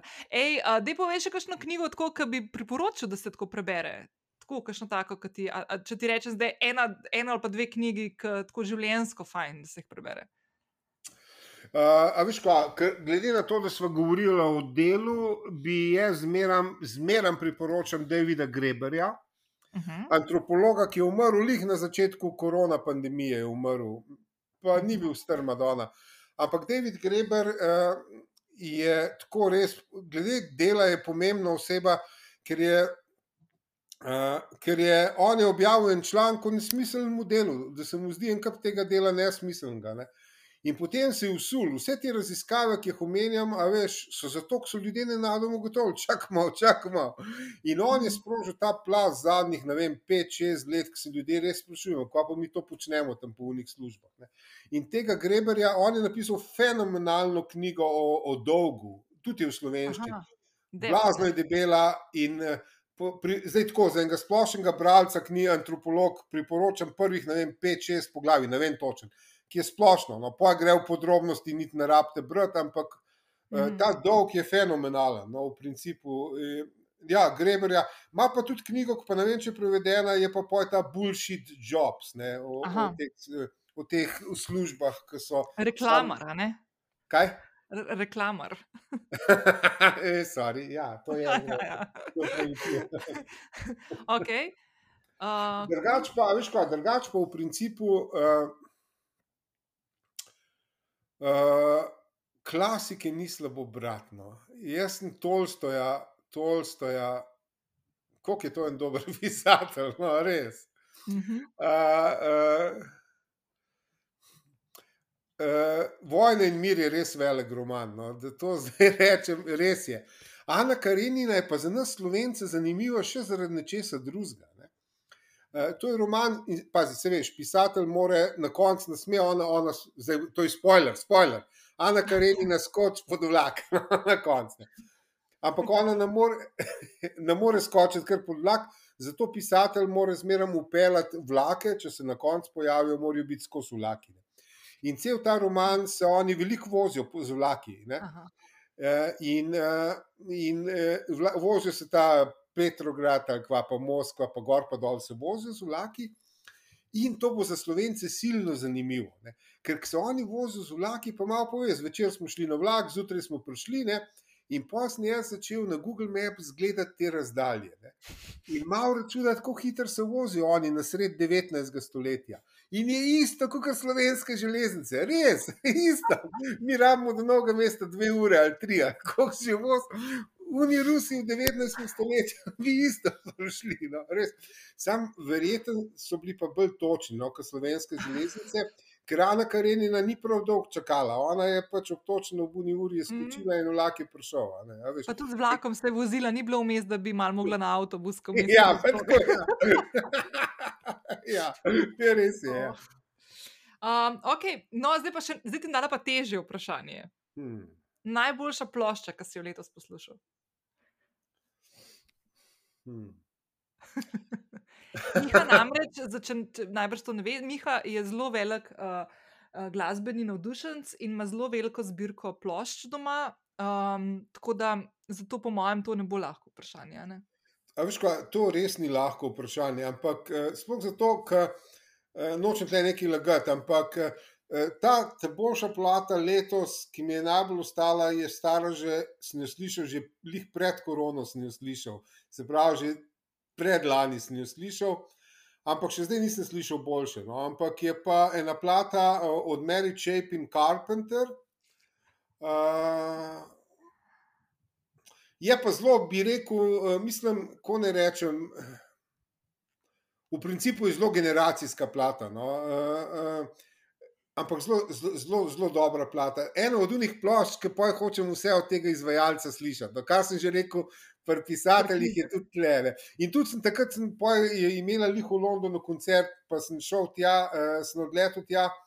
Ko so to neki drugi časi, ali kar odleteli smo nekaj v London. Na koncert, ne? Ja, na v koncert. Ja, tega ni več, čau. Zdaj, zdaj pa čakamo, a se bom lahko v sosednjo občino odpeljal. ja. Ja, pa vam lahko spil, kaj topoga v mestu. Ja, ja. Če bi danes vedel, bi takrat v Londonu na koncertu še kuhančka naročil. Tako sem pa sam kostanje grickljal. Ej, kera zgodovinska osebnost je pa taka najbolj zanimiva? Da bi šel zdaj na kuhančka, naprimer. Gete. Gete. Gete. Okay. Fenomenalen. On je pa tako globoko spoštovanje, kot imam do Gete, je pa res. Uh, ne, res. Uh, prvič je bil fenomenalen talent, drugi, in ki je tudi naredil fenomenalne stvari, je napisal. Drugič, potem je bil zadnji človek, za katerega so rekli, da je vse znanje človeštva drži v eni glavi, genijalen je bil. Aha. Tretjič, ki je šel v politiko, on je bil ministr za infrastrukturo. Kaj, ni da ni, res napisal nekaj. Nekaj optik, o optiki blazno, ne? tako res, prav tako neverjetno, mm, uh, neverjetno, uh, tako prav globoko občudovanje imam do njega, no? tako totalno. Uh, in kar je zelo pomembno, in mi je bilo zmeraj zelo pomembno, imel je srečno otroštvo. Srečno. Po, srečno. Okay. Ker ta stereotip, prek tega sem jaz mhm. prišel do tega stereotipa, ki povelja v krščanskih deželah, da je treba trpeti za dobro delo. Mhm. Spet so pri delu. Ne, ni treba trpeti. In največ, in pa je zmeraj reči, jo pa so pijanci, pa to geti ni bil ne pijanci in imel je srečno otroštvo. In, in vsi, če vzamemo veliko štirico, četverico zahodne literature, noben ni bil pijanci, noben se ni razsuval, vsi so bili pa zelo učinkoviti. Gete, srečno otroštvo, velika karijera, politika, ni da ni. Dante, mhm. diplomat, mhm. politik, diplomat, karijera tam, levo, desno, velikanski, fenomenalen avtor. Uh, Shakespeare, biznismen, trgovec nepremičnina, direktor, veš, ni da ni.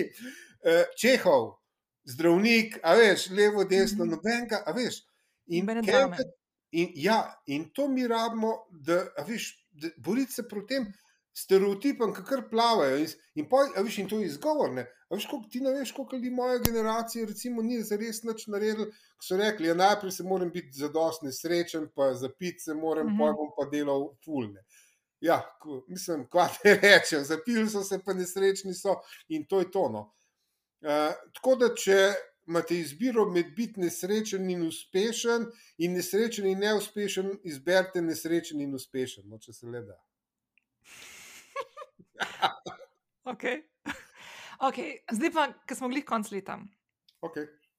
Leto 2022. Kaj si želiš v letu 2022, tako kot družba tudi? Pa. Zdaj, prvo osebno je, o bože, mili potovanja. potovanja. No, najprej.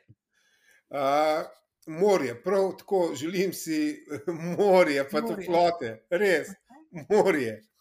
Uh, um, potovanje, dejansko resno. Uh, to misliš z letalom, ne?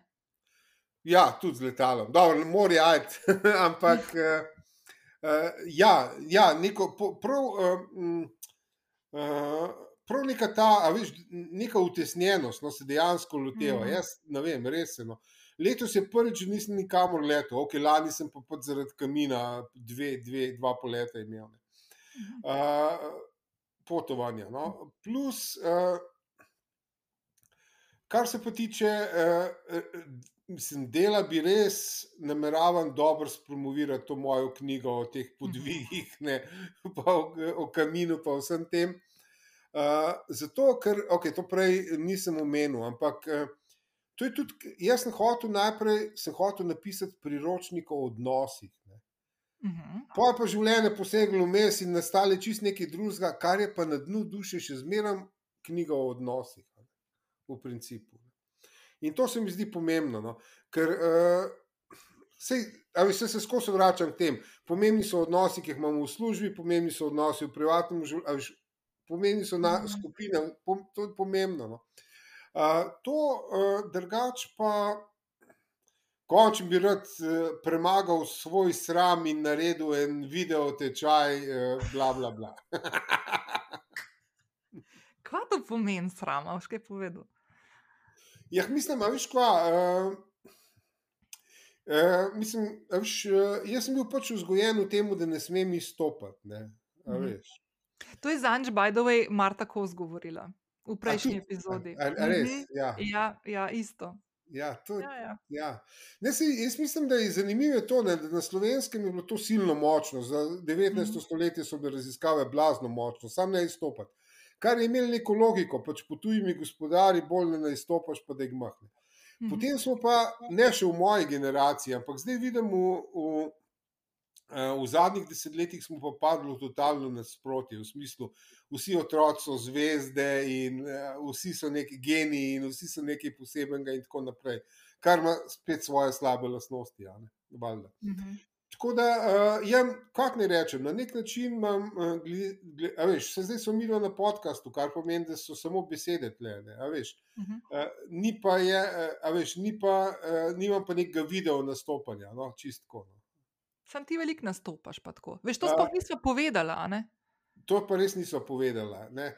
Ja, ampak tle je malo drugače. Veš, zdaj grem jaz na, eh, na oder in mislim, da znam s publiko. in Je, je, Mhm. Ampak, pazi, kaj pa zdaj ta logika? Če zjutraj začneš tuširanje z mrzlo vodo, pa si najhujši del dneva že opravil.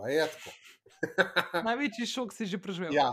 In ja. isto je z mojim nastopanjem. Jaz sem začel v punk bendu. In če te tam takoj poplujejo, ko prideš na oder, si najhujši opravil. Okay. Ne, ampak dej, tako se zmenjava. lej, Ne, bova, ne, bo, a, a, a, ne boš povedal, kaj boš delal za eno temo, ker to je zdaj prehiter, ampak uh, to sem se zdaj kar jaz odločila, prosti, mislim, si lahko poveš. Ja, redu, ne. jaz sem se kar odločila, da ne boš povedal. Okej. Ne, ampak, ko boš imel to pripravljeno, boš prišel spet um, malo povedati. Zato, ker je to tema, ki tudi jaz velikokrat se v njej pogovarjam, ampak se mi zdi, da imaš ti to tako the best razdelan in dobro narejen, da je prav, da, da te stvari malo takrat pokomentirava. Okay, A prav, a boš prišel? okay, Ker moram reči, reči tole, no. Ste to sem hotela, da ne, ampak zdaj mi je ful všeč. Zdaj ima moja škorpionka prišla ven. Uh, ampak jaz sem Miho povabila že na podcast, ne? Enkrat. Enkrat prej. A ne Miha.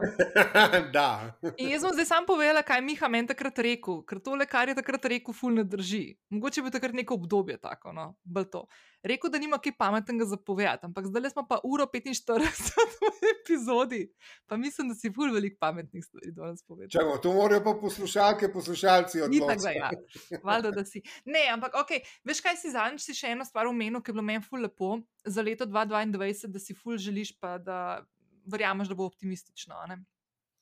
Ja, upajmo, da bo, no, ker je že čas, je že čas za spremembo vse te tuge. Mm. In, uh, na, ja, ok, ja, prej sem, prej sem govoril o nekih osebnih, kaj bi rad, ampak Ja. na nivoju, a veš, na nivoju družbe, evo, so pa nek, nekaj, kar, kar pa je, eh, kar je eh, referendum o tistih pitnih vodah. Ne.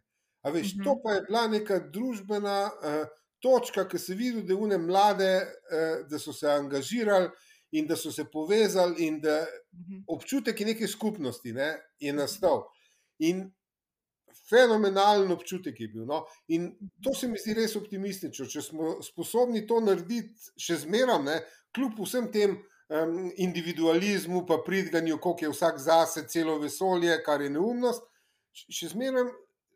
Je bilo to, je bilo to delovanje, no, in jaz sem bil tako zadovoljen, ne, to pa je plus. No, ampak to si prej rekel, tudi, da gremo iz te pasivne vloge v aktivno vlogo, vsi skupaj in da nekaj skupno dobro naredimo. Za, za Ja, nas. ampak, veš, tle se pa spet treba, treba mislim, jaz ne vem, ali to že prek časa jaz zdaj nekaj govorim, ali kaj ali lahko še. Mm-mm. A veš, kaj tle pa treba, to je tako zanimivo. Jaz zmeram, veš, kaj, eh, jaz se res ukvarjam veliko s tem, kako smo mi nezavedno programirani. ne. Mhm. A veš, in tle je pa res treba paziti. Tudi za, veliko gledam, tudi slovenske podjetnike, podjetnice, se tle v tem primeru ni važno. Mi smo naprogramiran, a veš, eh, naprogramiran smo na, na tragičnega heroja. Ne, veš. Mhm. Ker je vse nekaj dobro zastavil, na koncu je pa vse zašuštro, tako da zdaj tam joka vas polomljen. veš. Mhm. In to, proti temu se je treba res se paziti. Veš, res, to, je, to imamo vse te zglede. Martin Krpan, mislim, super heroj, nič ni naredil na koncu, domov se vrne. Ne. Eh, Peter Klepec, domov k mami se vrne in mama nam snega dela, super heroj. Veš, in, in, je, in to je tako močno programiranje, veš, da, da na koncu moramo veš, nekaj uničiti, pa jamrati. In mhm. zakaj je to velik pritisk? Zato, uh, uh, zato In ta raziskava je bila narejena v Sloveniji na javnem prevozu, prevozu ko so se pač študenti psihologije vozili cel dan in poslušali, kako slovenci navezujemo kontaktne. In več kot 90% navezovanja kontakta je bilo z jamranjem. Kako pa si, tle me boli, tam me boli, o, vlada je za noč. Mhm. In ta eksperiment lahko vsak sam naredi. Ne? Srečo nekega znanca in reče: O, ko si. In če vi odgovorite, odlično. Konc. Konc. Ja, in imamo istočnice za pogovor, mhm. no? res. Mhm. In zdaj, če si uspešen, ok, boš poživel zavist in vse to štekam. Ampak tudi pogovarjali se nami, ni več kaj zapovedati. Tako pa un me je nategnil, tam je prevaral, tam so me pokradili, levo, desno. In imaš blazno poslušalcev, in vsi uživajo v tvoji nesreči, v principu. Ne. Mhm. In padeš v vlogo tragičnega heroja. No, to pa res moramo paziti. Da ne, da, in to je bitka vsak dan sproti, da ne zdrsnemo v te tragične heroje, ne, te pasivne, jao, jao ki jih tudi mimo grede nagrajujemo z volilnimi glasovi že zadnji čas. Absolutno, je jo krivica, pa to so mi potaknili, pa um, pa tret. Pa... Ne, meni je ja. bilo zanimivo, saj sem pisal kolumno o tem. Ne? Uh, ker uh, je zanimivo to gledati. Sem prebral to odlično biografijo o Orbanu, zdaj se spomnim, uh -huh. ta mhm. avstrijski eh, novinar je napisal. Odlična biografija Orban uh, v slovenščini. In tam, in jaz vidim, pač je jasno, da. Um, da pač naš Janša to kopira čista. Ne? Razen točno v tem, Orban je sam rekel, da mora biti kot pav, da on mora iti v Evropo in razširiti krila, in doma blazno navijajo. Veš, ker je mhm. očitno mačarski zgled za junaka, je to, da pač širi krila ne? tem mhm. tujim okupatorjem, poveta svoje. Sigur bi pa sam rekel, pa je pa te pa treba, pa jaz krila malo zložim, pa podpišemo, pa čau. Ne, a veš, pa dobi denar, pa je v redu. Perce mora malo skozi, ja. Ja, ja, ampak tak mečkant, kot Napoleon, pa mora se skozi. Ja, ja, ja, pa se veš, tudi ja. Putin se mora skozi šupirati, koliko je to zrihto, veš, to ne. Mm. A veš, pri nas imaš pa to varianto, takrat sem pisal kolumno, tako, lih takrat, veš, Janša pa gre v, v Evropski parlament in pa prej nazaj, niso mi dovolili, da vrtim posnetek, niso mi dovolili tega, nisem mogel unga. Stari, kakšen heroj si ti, halo, a veš. Ampak to je pametno, vse je po mojem, ni to zavestno narejeno, ampak je pa pametno, ker Slovenci imamo to res radi. Mhm. A veš, to nesreče, joj, ne, Bogi, ne. zdaj ga še v Evropi gledajo. Ja, bogi, nekaj, jo, to, ki je bil priden, to, ki je delal, nič ni naredil, nič ni naredil, ker so ga nekaj tam zašuštrali, eni drugi, veš. Ne? Ja, to bomo ja. tako radi. In vsak, ki se ukvarja s podjetništvom, s čimerkoli v Sloveniji, ima zasebnim življenjem. Vsak mora to paziti, no? da nas drsne od tega pasivnega heroja, ki so mu vsi vse drugi krivi. Ja. Zdaj sem še eno temo odprla, ki bi lahko tudi še govorila. Ja, valjda, ne, se ne, ampak veš, kaj. Ja. Ne, moraš, moraš še priti, sam ti že kar povem, ker boš un digital course, ki ga boš imel, un ga boš mogel, bo mogla malo pogovoriti. Pa to nismo danes nič omenila, kar sem tudi hotela mal, mislim, začela sem, no, to s tem, da si imel predavanje, ampak bi ful rada to izpostavila, zdaj tem, kar jaz veš. Um, okay. Da Miha ful dobra predavanja dela, tudi za podjetja, pa to ne, ali pa za kakšne take dogodke, ki so. In je, jaz upam, da naslednji let bo tega več, ker se bomo lahko malo več videli v živo, no, da ne bo vse samo nek nekih zumih, pa timsih, ki sem že tudi jaz malo tega sita. Um, pa mogoče na naslednjem podkastu mi da posnameva tako, ker zdaj se gledava čez ekran, tle, ne, kar mi je čest ja. čuden. Pa čuden se mi je tako stavo pogovarjati, moram reči. No. Ja, kul. Cool. Uh, kaj bomo še rekli, zdaj, ko zapuščava letošnje leto? Jaz bom rekla, da vsem ful želim srečno, pa fajn se imejte, pa se slišmo januarja. Uh, kaj pa ti, Miha? Ma, jaz tudi, srečno, zdravo, seveda, in optimizem. Optimizem, uh, ampak res, prav tako optimizem v smislu uh, ne odnehati. No, so stvari, ki jih lahko naredimo, in so stvari, ki jih ne moramo narediti. Vmes, in to se mi zdi pomembno, in se s tem se pa jaz tudi zelo ukvarjam, se borim pri sebi. Ok, stvari, ki jih lahko naredimo, stvari, ki jih ne moramo. Vmes so pa stvari, ki jih lahko naredimo, ampak na drug način kot do zdaj. In to je velika modrost poznati. Ne? Ker če isto probava skozi na isti način, od tega pojna v noč. Ne? Treba je Mhm. najti nove načine za stvari, in potem res zrata veliko več možnega, no, kot se zdi na prvi pogled. The best. Ful dobro. Hvala. Dobro, Yes. hvala. 22, adijo, živijo 2022. Yes. Super, noč, se vidva. Čau, čau. Čau.